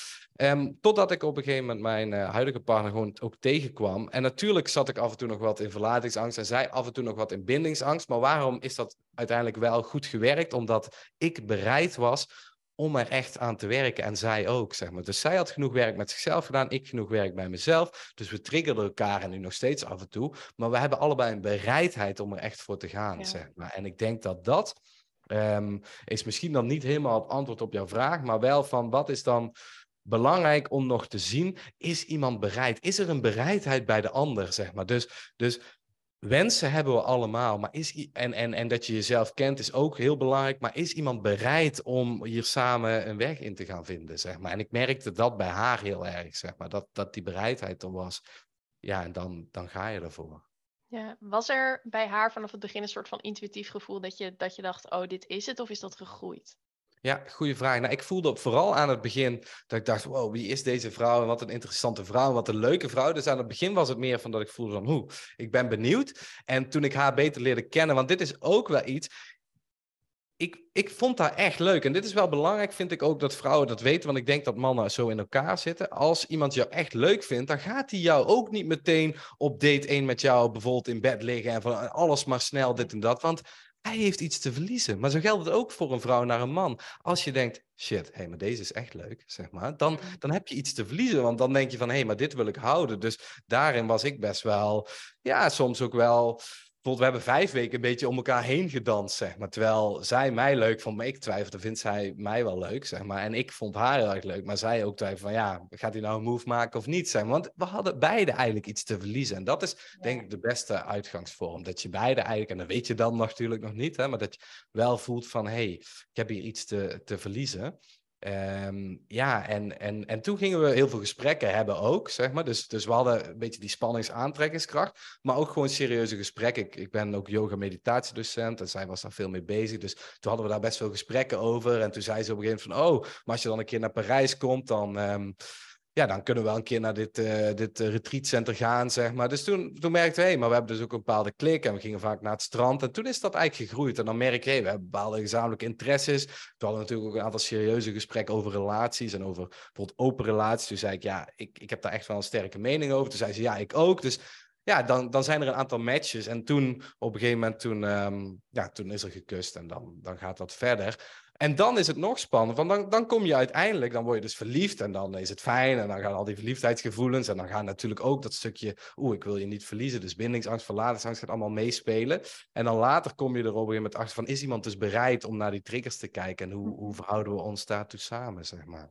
Ja, ja, dus dat gevoel is wel echt gegroeid. Het was niet vanaf het begin, nee, jij het is bent niet... het. Nou, ik, had- ja, ik had wel vanaf het begin van, oké, maar dit, dit, is, dit is wel een vrouw waarvan ik denk Ja. van, hé, dit zou best wel iets, dat, daar zou ik echt wel verliefd op kunnen worden, zeg maar. Dat, dat, Ja. dat wel, Ehm, maar ik had niet van, oké, en dit en dit, dit gaat gebeuren en dan gaan we een relatie hebben, zeg maar.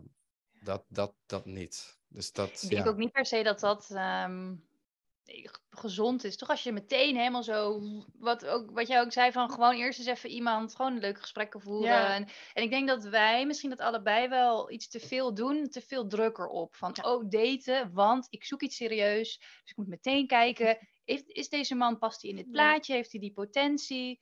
Ja. Maar het kan ook gewoon leuk zijn in het begin, zonder dat daar inderdaad al meteen allemaal die druk erop moet. En, Ja. Want dat maakt het ook allemaal een beetje ehm, lastig en ook een beetje moeilijk. En... Ja, zo zwaar beladen ook. Ja. Dan, dan wordt het, wat jij net ook zei, van twee individuen die gewoon met elkaar gaan kijken hoe het is om samen te zijn. Dat, dat is zoveel makkelijker dan inderdaad, Ja. oh mijn god, ik ga, ik ga met jou een eerste date hebben, zodat ik kan kijken of ik zeg maar met jou die kinderen wil. Want dat is volgens mij in het hoofd van een vrouw. Dan zit je aan zo'n tafel in de eerste date en dan denk je, oké, dan kan je dit, dit, dit, check, check, check. Oké, let's go, weet je wel.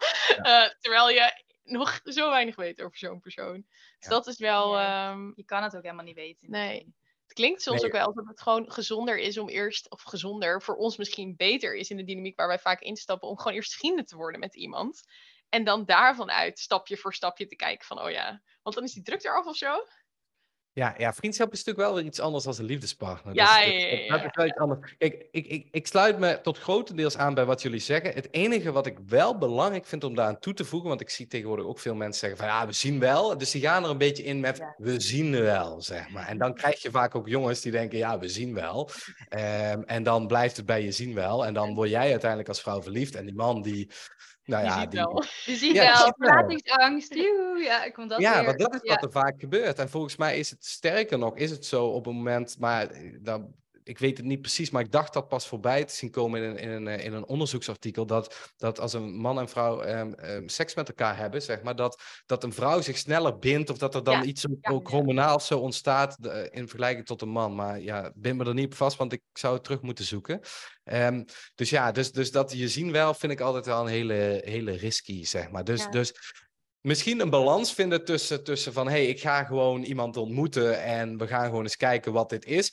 En aan de andere kant wel van... hé, hey, maar we gaan niet je zien wel, zeg maar. En ik wil wel gewoon... Ja, ik, ik ben op zoek naar een serieuze relatie... en ik zou Ja. ook wel ooit een, een kind willen. En of je dat nou meteen op een eerste date moet zeggen... ja, dat, dat weet ik niet, zeg maar. Maar hè, dat mag wel de uitstraling zijn. En... ehm, Iemand die stuurt, eh, let's go with the flow, of we zien wel, of eh, ja, laten we gewoon maar even zien, snap je, hoe het allemaal loopt. Ja, ik vind dat vaak een beetje rode vlaggen van mannen die, Ja. ja.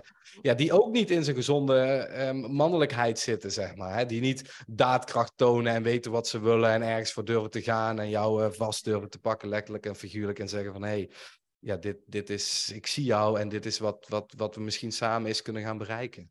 Ja. Wat is voor jou een concrete tip wat wij meer in het begin van het daten kunnen doen, zodat we iets minder dat, dat toekomstbeeld en alles kunnen loslaten en gewoon meer in het nu kunnen daten? Ja, ja, em, eerlijkheid geschied is dat ik vind dat ik, ehm, dat ik ehm, in een aantal dingen op het therapeutisch proces echt heel goed ben, zeg maar. Maar Ja. ik ben niet de hippe datingscoach die, die van alle hippe nieuwe eh, datingsadviezen geeft. Dus ik vind dat, en eh, die vraag wordt we sterk, vaker wel gesteld. En em, ik vind dat wel een lastige, zeg maar. Wat, Mhm. wat moet je nou precies doen en wat moet je nou Ja. precies zeggen? Maar vanuit het therapeutisch kader, zeg maar, Ehm, ja, en dat klinkt een beetje cliché, maar ehm, daar ook minder van in je hoofd zitten. En gewoon, ja, jij met jezelf, happy Ja. met jezelf. En wie jij bent, gewoon iemand gaan ontmoeten. Ik denk dat dat mijn, mijn beste advies is, zeg maar. Want, Ja, want alles wat je hoofd van wil, dat, ja, dat is allemaal hoofd, zeg maar. Dat is allemaal, ja. Ja, gewoon proberen bewuster van te zijn. Dat je elke keer terug naar Ja. het nu, naar dit moment. Ja, ja. ja. En de kern ook wel die ik eh, hier nu uithaal, is echt dat gewoon met jezelf. Blij zijn met jezelf. Dat dat wel echt Ja. de, de, de rode draad is. Ja. Ja, en dat je wordt heel vaak gezegd, Ja, hè. gewoon En leuk. En, je, je zoekt iemand als aanvulling, niet als opvulling. Opvulling.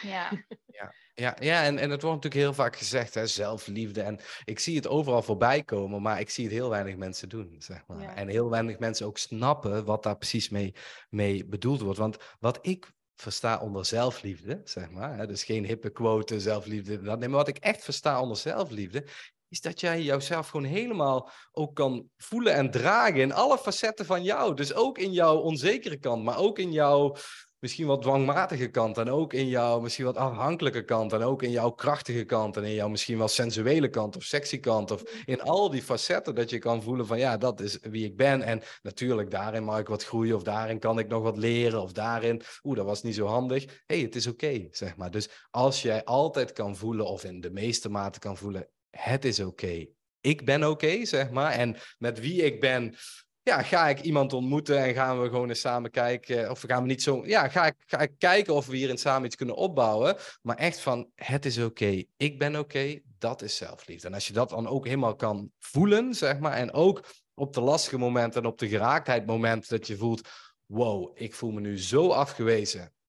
Het is oké, ik ben oké, zeg maar. Ik voel me mm. nog steeds afgewezen, maar ik, kan ik doe in ieder geval mijn best om me hierin te dragen, zeg maar. Dat, dat is zelfliefde, zeg maar. En als je dat punt hebt bereikt, dat is het ideaalste punt volgens mij om in daten te gaan.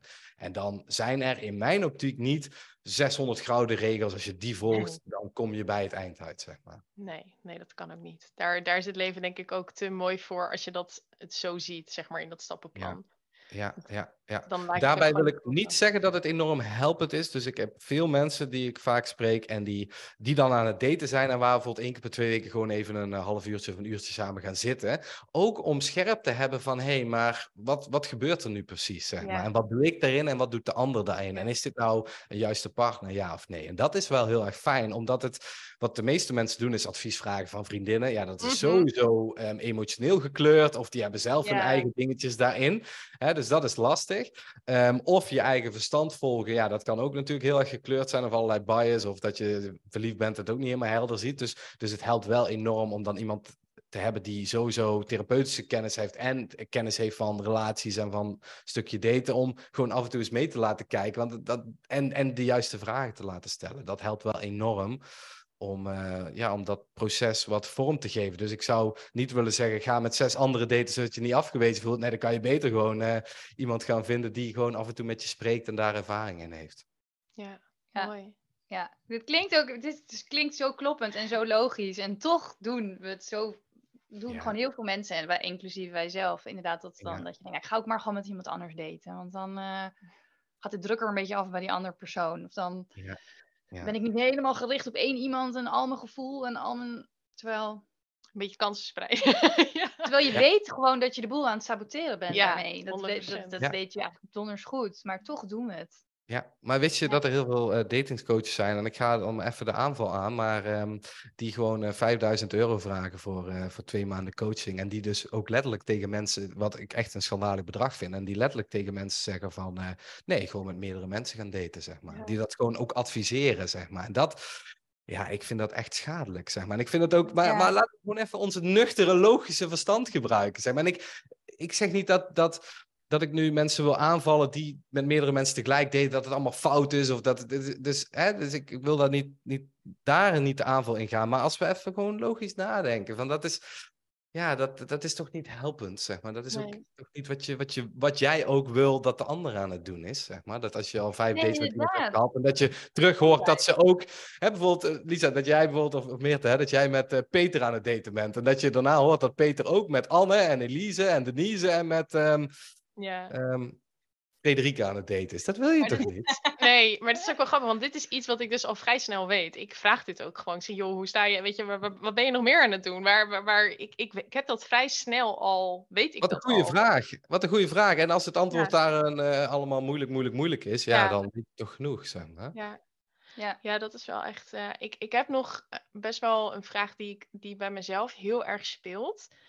Um, in hoeverre geloof jij dat verliefdheid essentieel is? En hoe voelt voor jou dan verliefdheid?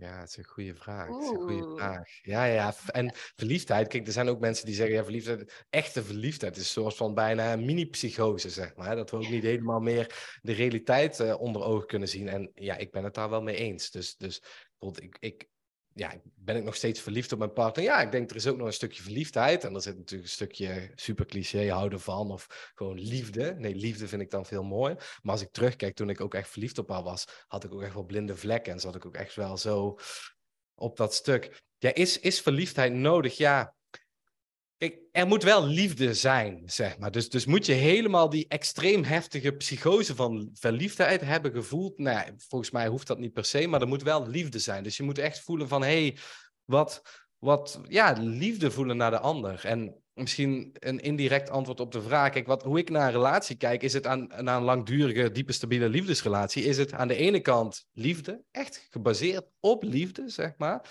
En aan de andere kant, en dat klinkt een beetje raar, is het ook een stukje koehandel, zeg maar. Van, hé, hey, ja, ik geef jou dat en jij geeft me dat. Ja, maar ik vind dat eigenlijk niet zo fijn. Ja, maar ik vind dat niet zo fijn. En hoe vinden we daar een middenweg in?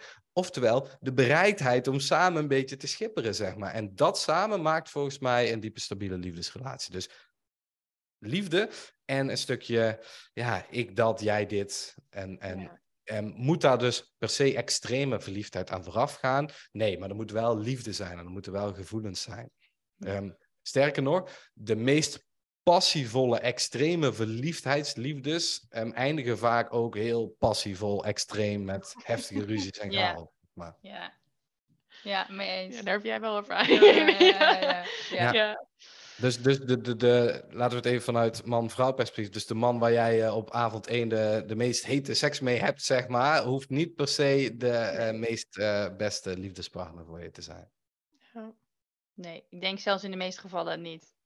Dat dat niet zo is. Nee. nee. nee. Ik, ik hoor veel mensen die bijvoorbeeld, als je kijkt naar seksuele ervaringen, bijvoorbeeld ja, daarin met bijvoorbeeld eh, toen ze single waren. Of ik heb daar zelfs met mijn partner wel eens over gehad. Hebben we gewoon eens over gehad. Van ja, we hebben allebei wel eens van die momenten gehad dat je single bent. En dat het allemaal heel uh, spannend en heet is, dit en dat. Mhm. En het mooie, mijn vriendin zegt ja, zeker. En ze zegt ja, maar dat is ook niet de. Ja, dat is wel de realiteit op dat moment. Maar dat is natuurlijk niet. Niet wat, wat, je, wat, wat er vaak is in veel stabiele liefdesrelaties. En dat is oké, zeg maar. Want dat, is ook, dat heeft met hele andere dingen te maken. En hele andere verhoudingen tot elkaar. En ja, en moet je dat per se nastreven? Ik denk het niet. Volgens mij, wat, wat ons fijn laat voelen in een diepe, stabiele liefdesrelatie, is een gevoel van veiligheid, een gevoel van verbondenheid. Ehm, in het geval van een vrouw dat je je gezien en gehoord voelt, zeg maar. In het geval van een man dat je, ja, dat je je ook wel in je kracht voelt en dat je, ja, dat je, dat je ook, ja, ik denk dat een man er ook van houdt om ergens te zorgen, richting te mhm. geven, zeg maar. Hè? En dat je voelt van, hé, hey, en, en, en mijn partner wil, wil ook mee, zeg maar. Dat betekent niet dat de man altijd beslist, absoluut niet. Maar dat voelt van, hé, hey, we, kunnen, we kunnen samen iets bouwen, we hebben samen mooie projecten, er is liefde, zeg maar. Dat, dat, en, en natuurlijk is er, is, er, is er seksualiteit en er is intimiteit heel erg belangrijk. Maar dat is, dat is ook een onderdeeltje van, zeg maar. En in die passievolle, liefdevolle, passievolle, um, kortstondige relaties zijn vaak gebaseerd op seksuele lust, zeg maar. Ja, ja. Helemaal en die spanning. En dat wordt denk ik ook vaak verward, dat gevoel voor verliefdheid. Dat je dan die spanning, maar ook die onzekerheid en dan het, dat, dat passie. Ik denk dat het meer lust is. En dat je dan denkt, oh, ik ben verliefd op deze, deze persoon. Ja, ja. Maar mijn ervaring is ook wel dat meestal de relaties die vrij rustig beginnen, en dat voelt dan, voor mij in het verleden voelde dat dan saai. Hè? Dat ik dacht, ja, ja. Dit, dit, dit, zoek ik niet. Ik zoek. Boring, zeg maar, next. Ja, terwijl, want ik verwarde dus vroeger, dus toen ik met het codependent stuk, was het ook altijd heel heftig. Maar er kwam ook angst bij kijken. En dan weer, en inderdaad lust en passie. En ik verwarde dat heel erg dus met verliefd zijn. Mhm. En dan ontmoette ik iemand en dan ging het zo heel rustig en heel stabiel. En dacht ik, ja, is dit het nou? dit, is toch niet, dit is toch niet verliefdheid en de, die heftigheid. En maar ik, ik snap nu wel veel beter dat dat veel duurzamer ook is als je op zo'n manier iemand ontmoet. Klopt, klopt. En wat, als ik terugkijk naar mijn eigen leven, maar als ik ook een beetje maatschappelijk kijk, vind ik het wel een schadelijke, kwalijke situatie waarin alles maar moet kunnen en waarin er meer is en beter en groter en gekker en, en ook op het gebied van, van seksualiteit. Dus, dus als ik kijk naar mijn eigen leven, heeft het niet geholpen Um, door allerlei seksuele ervaringen te hebben, bijvoorbeeld kortstondige of hele hete avonden, zeg maar. Want dat, dat is soms ook wel heel lastig als je dan in een diepe, stabiele liefdesrelatie zit. Want dan ja, ga je daar toch altijd misschien bijvoorbeeld weer aan terugdenken. En, want dat, en dat betekent niet dat je dat niet kan hebben ook met je partner. En dat is juist heel mooi als je daarin ook, los van de veiligheid, ook de spanning kan behouden. Dat is volgens mij de grootste uitdaging. Hè? Een mhm, hele veilige, stabiele liefdesrelatie waarin ook ruimte is voor spanning. Grootste uitdaging in mijn optiek. Um, Denk ik, ja. En omgaan met, eh, omgaan met triggers. Maar hè, dus, dus, dus, dus al die ervaringen die je op hebt gedaan in het verleden, ja, die zijn niet altijd helpend voor, voor een diepe stabiele liefdesrelatie, zeg maar. En ik zelf zou daarin, als ik terug in de tijd zou gaan, ik denk, aan de ene kant voel ik dan, ja, maar er waren toch ook hele toffe momenten. En dan zie je die glimlach, een beetje dat, dat mannelijke stuk van, oh ja, was het ook wel, wel spannend en leuk en dit en dat. Maar ik denk dat het me nu ook wel vaak belemmert, zeg maar. Ja. Ik weet niet hoe jullie dat zien. Nou, ehm, ik kwam natuurlijk uit een relatie van zeven jaar. En wat ik in het begin was ik heel serieus in daten. Echt de eerste man die bij mij heeft gedate, arme man. Ehm, en daarna, ik weet nog dat er toen, toen ging ik met een man daten die tegen mij zei van... joh Meert, je moet Fields downloaden, de seks app. Ah ja, ja. Ik Field Waarin downloaden, alles kan, hè? Waarin alles Waarin- kan. Alles. Dit is zeg maar Niks de- is te gek. Nee, helemaal Ja. niet voor de vrouw, zeg maar. Je Ja. hebt daar echt de, de- de- de- je hebt het daar gewoon voor het zeggen, punt. Ehm, dat zes, zeven maanden gedaan. En iets in mij voelde heel erg van, ik wil dat nog doen, want ik heb zeven jaar vastgezeten. Ik heb niet echt een studententijd gehad. Weet je. Ik wil mezelf die vrijheid geven. Maar als ik nu ook terugkijk, denk ik, ah, 9 van de 10 keer was het niet eens hele goede seks. Nee. Ehm, en raakt het ook zoveel dingen aan jezelf. En ik weet nog heel goed het moment dat het voor mij echt, dat ik dacht, oké, nu ben ik er klaar mee. Dat een man tegen mij zei, na de seks, ehm, eigenlijk vond ik je best wel afstandelijk en je wil nu niet met me knuffelen. En toen Mhm. dacht ik, wow, dat is zo niet wie ik ben. Ja. en toen was het ook echt dan, toen was het klaar. Ja. En van dat moment heb ik besloten, dit wil ik niet meer. Ja. Ehm, maar ik denk, het is wat jij net ook schetst, het is heel moeilijk, want ik ben gek op verhalen, ik ben gek op ervaringen. Ik, ik, wil dit, ik wilde dit toen ook heel graag ervaren. En nu is het ook weer zo'n punt dat ik merk van, oh, misschien moet ik het ook weer wat luchtiger voor mezelf gaan maken. Juist omdat ik zo geneigd ben het zo serieus te maken. Dus Ja. het, het is denk ik gewoon een zoektocht. Ehm, zo voelt Ja. het heel erg in ieder geval. Ja, en, en ontdekken is natuurlijk, is natuurlijk ook wel wat ook wel hoort bij ons als mensen. En als je bijvoorbeeld terugkijkt naar die basisbehoeften, hè, als klein kindje ga je natuurlijk ontdekken om te groeien, zeg maar. Dus, dus aan ontdekken is denk ik niks mis mee. Alleen de maatschappij creëert wel een situatie waarin je, waarin je eindig kan ontdekken en waar het steeds gekker en verder en vrijer wordt. En dat helpt ons denk ik dan weer niet. Zeg Nee, maar. helemaal eens. Bijvoorbeeld, ik, ik ken, ik ken een, eh, een, een, een- iemand en die eh, zit al heel lang in een stabiele relatie, volgens mij vanaf haar vijftiende. En daar heb ik het dan wel ooit over. En denk ik, oh, wat een rust. Wat een rust. Want die heeft niet die hele wilde nachten gehad. En dat is Nee. natuurlijk allemaal. Ja, daar heb ik, de meeste mensen kennen dat. Dat is natuurlijk allemaal ook heel tof ergens. En we hebben er allemaal ook wel mooie herinneringen aan. Maar, en zij heeft het dan niet. Maar wat een rust. En ook hoe ze daarover spreekt. Dan denk ik, oh, maar dat zou misschien natuurlijk ook echt heel fijn zijn. Zeg maar, als je dat allemaal niet hebt. Hè? Want, en, Ja. en hoe verliefd zij nog steeds is met haar partner al eh 16 jaar of zo. En die gaan trouwen en die willen een baby. En dan denk ik, wauw, dat, dat, ja, dat is toch ook wel echt heel mooi, zeg maar. En kijk, ik weet ook, ik weet ook niet allemaal wat het beste is en al die maatschappelijke dingen. En, en, dus dat weet ik ook niet. Maar ja, dit voorbeeld ziet er wel, en natuurlijk niks is perfect, maar als ik er zo met haar over spreek, er is wel rust, zeg maar. Er is wel rust. Ja, en ik merk daar verlang ik dus wel echt naar. Ja. Naar die rust. Ja, dat vond Ja. ik Volgens mij riep ik van de week nog, ik ben zo klaar met de kutkant van daten.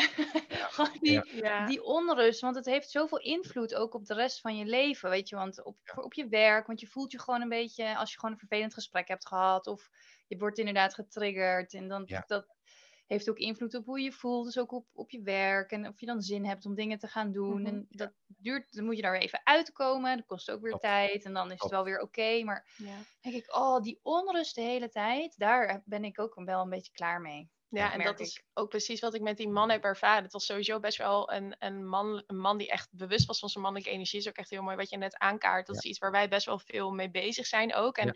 toevallig komt er een aflevering online met Anton. En daarin hebben we een heel mooi gesprek ook over die mannelijke en die vrouwelijke energie. Hij was de eerste waarbij ik echt een soort van veiligheid en stabiliteit kon voelen. Dus die man waar ik vier maanden mee heb gedate. Ja. En ik merkte dus ook de afgelopen weken, dat we ook niet meer met elkaar in contact zijn, dat er momenten waren dat ik zeg maar hem en dat heel erg miste. Gewoon, ik weet dat er een plek is waar ik kan zijn en waar dat veilig voelt. En hij draagt me daarin. Ja. En dat is gewoon niet dat ik dan mezelf niet kan dragen, maar meer dat je voelt van het is soms zo lekker als er gewoon een man staat, letterlijk, waar je even tegenaan kan leunen. Zeker weten. Zeker En dat weten. is ook wel wat ook nu een beetje een soort van flui- te fluïde naar mijn mening begint te voelen. Waarin ik dus ook wel merk dat ik ook wel mannen heb gedate. En dat nu ook steeds, steeds naar de oppak van ik denk, nee, ja, maar jij bent niet stevig genoeg voor mij. Nee, precies. Je bent een jochie. Je bent een jochie. Ja. zeg maar. Je bent een jochie. Er zijn heel veel jochies. En dan mag je best ook gewoon... Ja, dan hoef je dan ook niet maar heel lang in te blijven, zeg maar. Je, je wil gewoon een man die daarin gewoon blijft staan, zeg maar. En die Mhm. gewoon... Die dan van, van kom maar, zeg maar. Ik, ik ben hier, zeg maar. Hè? En, maar die dus wel bereid is om dat te doen. En dan niet voor een week, maar ook gewoon... Ja, dat ook te snappen en te zien en dat te willen blijven doen. Dat is de intentie. En niemand weet, niemand heeft de glazen bol, maar dat is wel de intentie, zeg maar. Zeker. Ja, en dan Ja. kunnen wij als vrouwen ook meer inderdaad in die verzachting. Want ik merk dat ik dat best wel moeilijk vind. Weet Ja. je, want als vrouw tegenwoordig in deze maatschappij, weet je, je kan je eigen boontjes doppen. En we zijn allemaal sterke vrouwen. En we kennen onszelf heel goed en eh weet precies wat ik wil. En, maar dat is allemaal heel erg vanuit die mannelijke energie. En ik vind het wel echt moeilijk, omdat je daarmee als vrouw alleen ook gewoon wel staande houdt. Om dan in een partnerrelatie toch meer in die zachtheid te gaan. Want ik kan ook gewoon best wel hard zijn en fel. En, en ik krijg het ook wel terug van, ook van de vorige man met wie ik heb gedate. Van ja, ik ben gewoon best wel af en toe van het, eh, ja, ook gewoon, ja, hoe zou ik het zeggen? Misschien kan jij dat beter. doen. Hoe ben ik? Hoe is Lisa aan het daten? Nou jongens, nee. Nou, gewoon best wel dat het ik harde, wil, het, ja. er zit iets hards in Ja. mij. En dat, Ja. ja. dat vind ik lastig om dan echt in die verzachting te gaan. Om, om het Ja. te laten dragen. Omdat ik gewoon zo gewend ben om het allemaal zelf te doen. Ja. Vind ik ook wel een, eh, een beetje soms een zorgwekkende ontwikkeling ook in de maatschappij. hè, Waar het dat mannelijke, vrouwelijke... en 100%. dat, het gaat niet, het is niet meer gelijk. Hè? Vrouwen lijken steeds meer in die rol te gaan zitten. hè, En mannen lijken steeds meer in die yogi-rol te gaan zitten. En, Ja. En dat is echt een probleem. Dat is echt een Ja, probleem. Dat is het echt. Ja. Dat is echt een probleem. Dus daarin, als, als vrouw, dat is de uitdaging om gewoon eh, de jochies eh, ja, te zien. En, maar, maar als je het weet, dan ga je het zien, zeg maar. Ja. En wat ik wel wil zeggen, en dat geef ik heel vaak aan vrouwen als advies, zet die man maar in zijn mannelijke rol. Dus zeg maar van, en dat kan soms door een hint, zo van, oh, ik vind het altijd zo fijn als de man gewoon eh, de date regelt, dit en dat. Of, of ik vind het zo fijn als de man dit doet, of eh, van, hé, hey, ik, ehm, voor mij werkt het heel goed dit. Maar dus, dus ehm, ehm, ehm, nodig hem maar uit om in zijn mannelijke rol te gaan zitten. En als hij, er was een keer een vrouw die zei, eh, die kreeg toen een app terug van die man, ja, wat denk je nu zelf, zeg maar. En toen dacht ik, nou, dan weet je genoeg. Dan weet je genoeg. Ja, maar dan is deze man dus helemaal niet voor jou, Nee. zeg maar. Dan is deze... Bijvoorbeeld, eh, dat ging erover, ik had haar geadviseerd ehm, ehm, van, hey, je zou eens een app kunnen sturen van... eh, want, want hij vraagde haar niet op date. En dan zou je kunnen zeggen, hey, hoe, hoe sta jij erin? Wie moet nou de eerste date eh, organiseren, de man of de vrouw? En hij had zoiets van, volgens mij, let's go with the flow. En toen zei ze zoiets van, ja, man, volgens mij de man of zoiets. Toen, wat denk je nu zelf? Of zoiets, een beetje zoiets was Ja, het. ja. Maar dan weet je genoeg, zeg maar. Dan is Ja. dat niet de man die je zoekt, zeg maar. En dat betekent niet dat je altijd zwart-wit, huppakee, next. Maar Mhm. dat zegt wel heel veel, zeg maar. En dus zet, zet, zet de man maar in, in zijn rol. Want ik denk ook, laat ik vanuit mezelf kijken. Ik vind het ook wel lastig. Ehm, ook bijvoorbeeld als je kijkt over... ehm, stel, ik zou nou weer aan het daten zijn van ook intimiteit en seksualiteit. Want er is natuurlijk heel veel me-too en er is heel veel ellende geweest. Dus, dus voor een man is het enorm lastig om, om bijvoorbeeld een gezonde vorm van dominantie aan te nemen. Wat, wat, wat het gros van de vrouwen heel fijn vindt als er een gezonde, liefdevolle dominantie is, bijvoorbeeld in bed. Ehm, maar ja, als man, ja shit, hey, maar je wil niet eh, dat iemand zich na gaat voelen. En dat, dat is zo'n lastige grijs gebied. Dus ik kan me ook voorstellen, en ik weet dat ook, dat heel veel mannen daar ook heel erg zoekende in zijn, zeg maar. Ehm, dus tip aan de vrouw, zet de man maar in zijn mannelijke energie. En als je hem pakt, nou dan weet je dat. En als je dat goed doet, dan weet je het al helemaal. Van hey, dit is misschien wel iets wat, eh, wat, wat heel fijn voor mij kan zijn. En als je het wegwuift of niet snapt, of eh, juist het tegenovergestelde gaat doen, ja, dan is het volgens mij aardig een jochie. En dan, eh, ja, dan denk ik dat het je weinig opbrengt. Ja. Ik merkte ook zelf heel erg in die dynamiek dat ik dan ook bijvoorbeeld naar me uitsprak van ik merk dat ik me echt heel erg veilig bij je voel. Weet je wel, dat Ja. soort dingen die voor een man heel belangrijk zijn om te horen. Ja. Ehm, dat deed hem zo goed. Hij, hij zei op een gegeven moment ook letterlijk van, ik merk gewoon dat ik zelfverzekerder word als man door de dingen die jij tegen mij zegt. Zeker, Dat zeker. eh, ja, Ja, mooi, mooi wat je daarin doet en ook zegt. Wat enorm goed voor een man werkt, is als je zegt wat hij fijn, wa- wat hij goed Ja. doet, zeg maar. Daar groeit een man van, zeg maar. Ja, zegt van, ja, hey, 100%. ik vind het zo fijn dat je dat toen zo voor mij hebt gedaan. Of hey, dit voelt echt fijn. Of ja, dat werkt natuurlijk ontzettend goed. En dan gaat de man Mm. alleen maar meer van dat doen. Hè? Mhm, Dus, ja. dus, dus ja, er zijn jochies, maar er zijn ook gewoon hele fijne, of heel veel hele fijne, gezonde mannen die echt wel in een gezonde mannelijke energie willen zitten of kunnen zitten. Ehm, dat of al doen of daar soms een, een zetje voor nodig hebben. Van hé, hey, Mhm. dit, eh, dit is oké hoor. Ga, pak hem maar, zeg maar. Mhm. Ja, want ik kan me echt ook heel goed voorstellen dat het voor mannen echt heel lastig is tegenwoordig. ik ik, kan er ja, echt wel in komen. Ik denk ook dat wij misschien daar wel een aflevering over op kunnen nemen, Lies en ik, over de MeToo en hoe dat voor ons is. Ja. Want wat ik bijvoorbeeld ook in het begin heel erg merkte, is dat dan in daten mannen vroegen, mag ik je zoenen? Ja. Ja, dat oh, wil je. hele momentum weg, dude. Je ziet echt wel aan me of je me mag zoenen of niet. Believe me, dat is heel... Ik ben echt Ja. een open boek. Ja, nee, maar, dat, maar dat is echt zo. Dat is, dat is echt zo. En als ik dan naar mezelf, dat is het referentiekader wat ik heb. Ik heb daar ook heel lang mee geworsteld. Sterker nog, in mijn bedrijf en hoe ik over dingen denk, vind ik dat soms ook nog echt spannend om daar bijvoorbeeld een, een, een bold quote of statement over ehm, in te Mhm. nemen. Dat vind, vind ik echt lastig, omdat ik denk van ja, eh, snap je? En ook de, de hele cancelcultuur, wat natuurlijk echt veel te ver gaat in mijn optiek, is echt Mhm. gewoon een probleem. Is echt, echt een probleem. En dat, daar, daar wordt het allemaal niet beter van. Dus daarin gaan we nog meer aanpassen en een beetje een soort van meningloos grijze middenmoot worden, zeg maar, waarin ja, het mannelijke steeds meer verdwijnt en het vrouwelijke steeds meer verdwijnt. En dan worden we een soort van één grote grijze massa, zeg maar. En eh, ik weet Ja. dat Tibor hier vaak over spreekt, dus even credits naar, eh, naar hem. Ik wil zijn woorden niet eh, gebruiken dat die van mij zijn. Maar, hè, dus hij spreekt hier vaak over en dan denk ik, ja, dude, je hebt helemaal gelijk. Ja, en ik denk ook, het is ook echt heel mooi dat je dat nu aanhaalt. En ik, ja, ik persoonlijk, wij proberen er ook steeds meer voor te gaan staan. En we, we zijn bijvoorbeeld al best wel lang over het onderwerp feminisme aan het heen draaien, want wij hebben daar echt een sterke mening over. Hm, Ehm, ja. Wat we heel spannend vinden, maar met het gesprek met Anton, hij predikt dit ook best wel veel. Zeg maar, hij staat hier ook echt voor. En ik denk ook dat mannen zoals jullie nodig zijn om mensen te gaan uitnodigen. Want je gaat echt mensen krijgen die in het harnas gaat werken. Dat weten wij ook. Toen wij over vegan gingen praten, kregen we ook weerstand. En dat is oké. Ja. Eh, dat Ja. mag ook, want wij gaan dingen roepen die mensen tien jaar hebben gelezen en dachten van, huh, maar dat is toch hoe het hoort? Ja, nee, wij zijn onderzoeken en wij denken dat het anders hoort. Ja. Maar ik denk wel, het is zo belangrijk dat mensen, mannen zoals jij met een platform, dit gaan uitspreken. Want Ja. anders houden we die jochies en dan komen er alleen maar meer jochies en dan, daar wordt niemand gelukkig van. Klopt, klopt. Ja, eens, eens, eens. Ik heb daar, eh, toen ik mijn bedrijf begon, heel erg een keuze in gemaakt van ga ik me op de mannen of op de vrouwen richten, zeg maar. Maar Ja.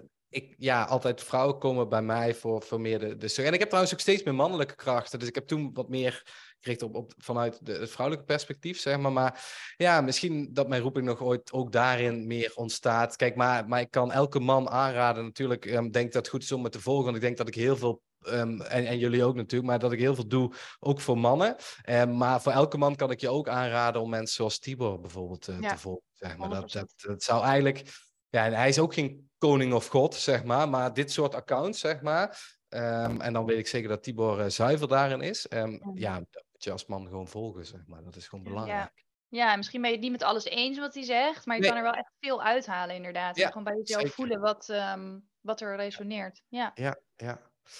Hey, dames, wij kunnen, wij kunnen volgens mij een, een driedaagse podcast opnemen. Volgens mij ook, ja. ja. Ik vind het wel, eh, ik ga zit ook wel lekker in de flow. Ja. We zitten lekker Ja. gewoon eh, te kletsen. Ja, ja, dat is mooi. Dat is mooi.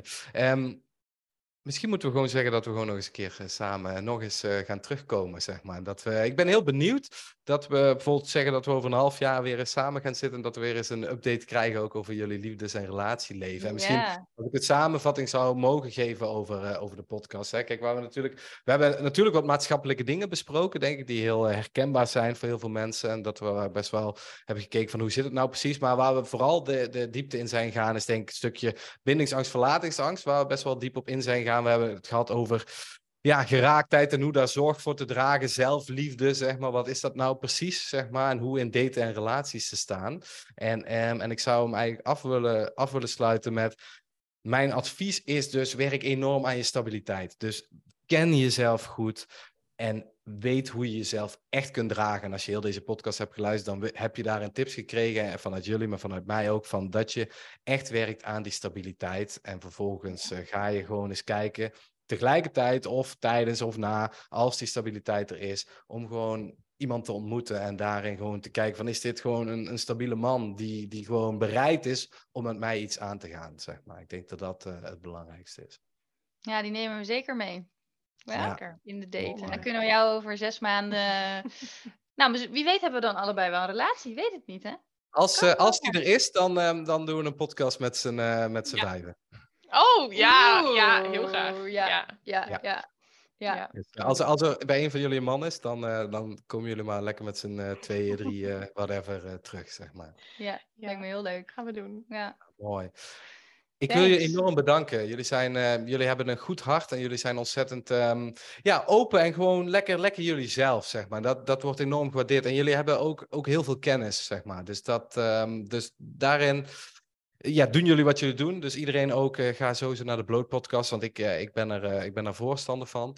En, maar ook als jullie als persoon, ehm, vertrouw er maar op, zeg maar. Het is echt oké, zeg maar. Jij bent oké, het is oké. Dankjewel. Dankjewel. Ik vond het echt een heel leuk gesprek. En ook, ik vind ook hoe jij dingen vertelt en zo echt super duidelijk. En dat ik echt denk, oh, het is echt zo mega interessant om daar echt ook nog meer mee bezig te zijn. Gewoon inderdaad hoe je als mens werkt. En Ja. Hoe je reageert op anderen en wat er allemaal in je speelt. Dus dankjewel ook voor eh, weer nieuwe inzichten daarin. Ja. Graag gedaan, graag gedaan. Echt een laagje diepgang wat je aanbrengt aan onze verhalen. En dat is echt wel Ja, mooi. dat is Ja. mooi. Mooi. Dankjewel. Nou, graag gedaan. Mooi. Tot, eh, tot de volgende. Tot de volgende. volgende. Yes, dat was u weer. Hey, dankjewel dat je deze podcast ehm, wederom tot het einde ehm, hebt beluisterd. Complimenten aan jezelf, want het toont dat jij vooral echt wil investeren in jezelf om nog gelukkiger en tevreden te worden op het gebied van liefde en relaties en je eigen mentale gezondheid natuurlijk. Dus dat doe je echt ontzettend goed.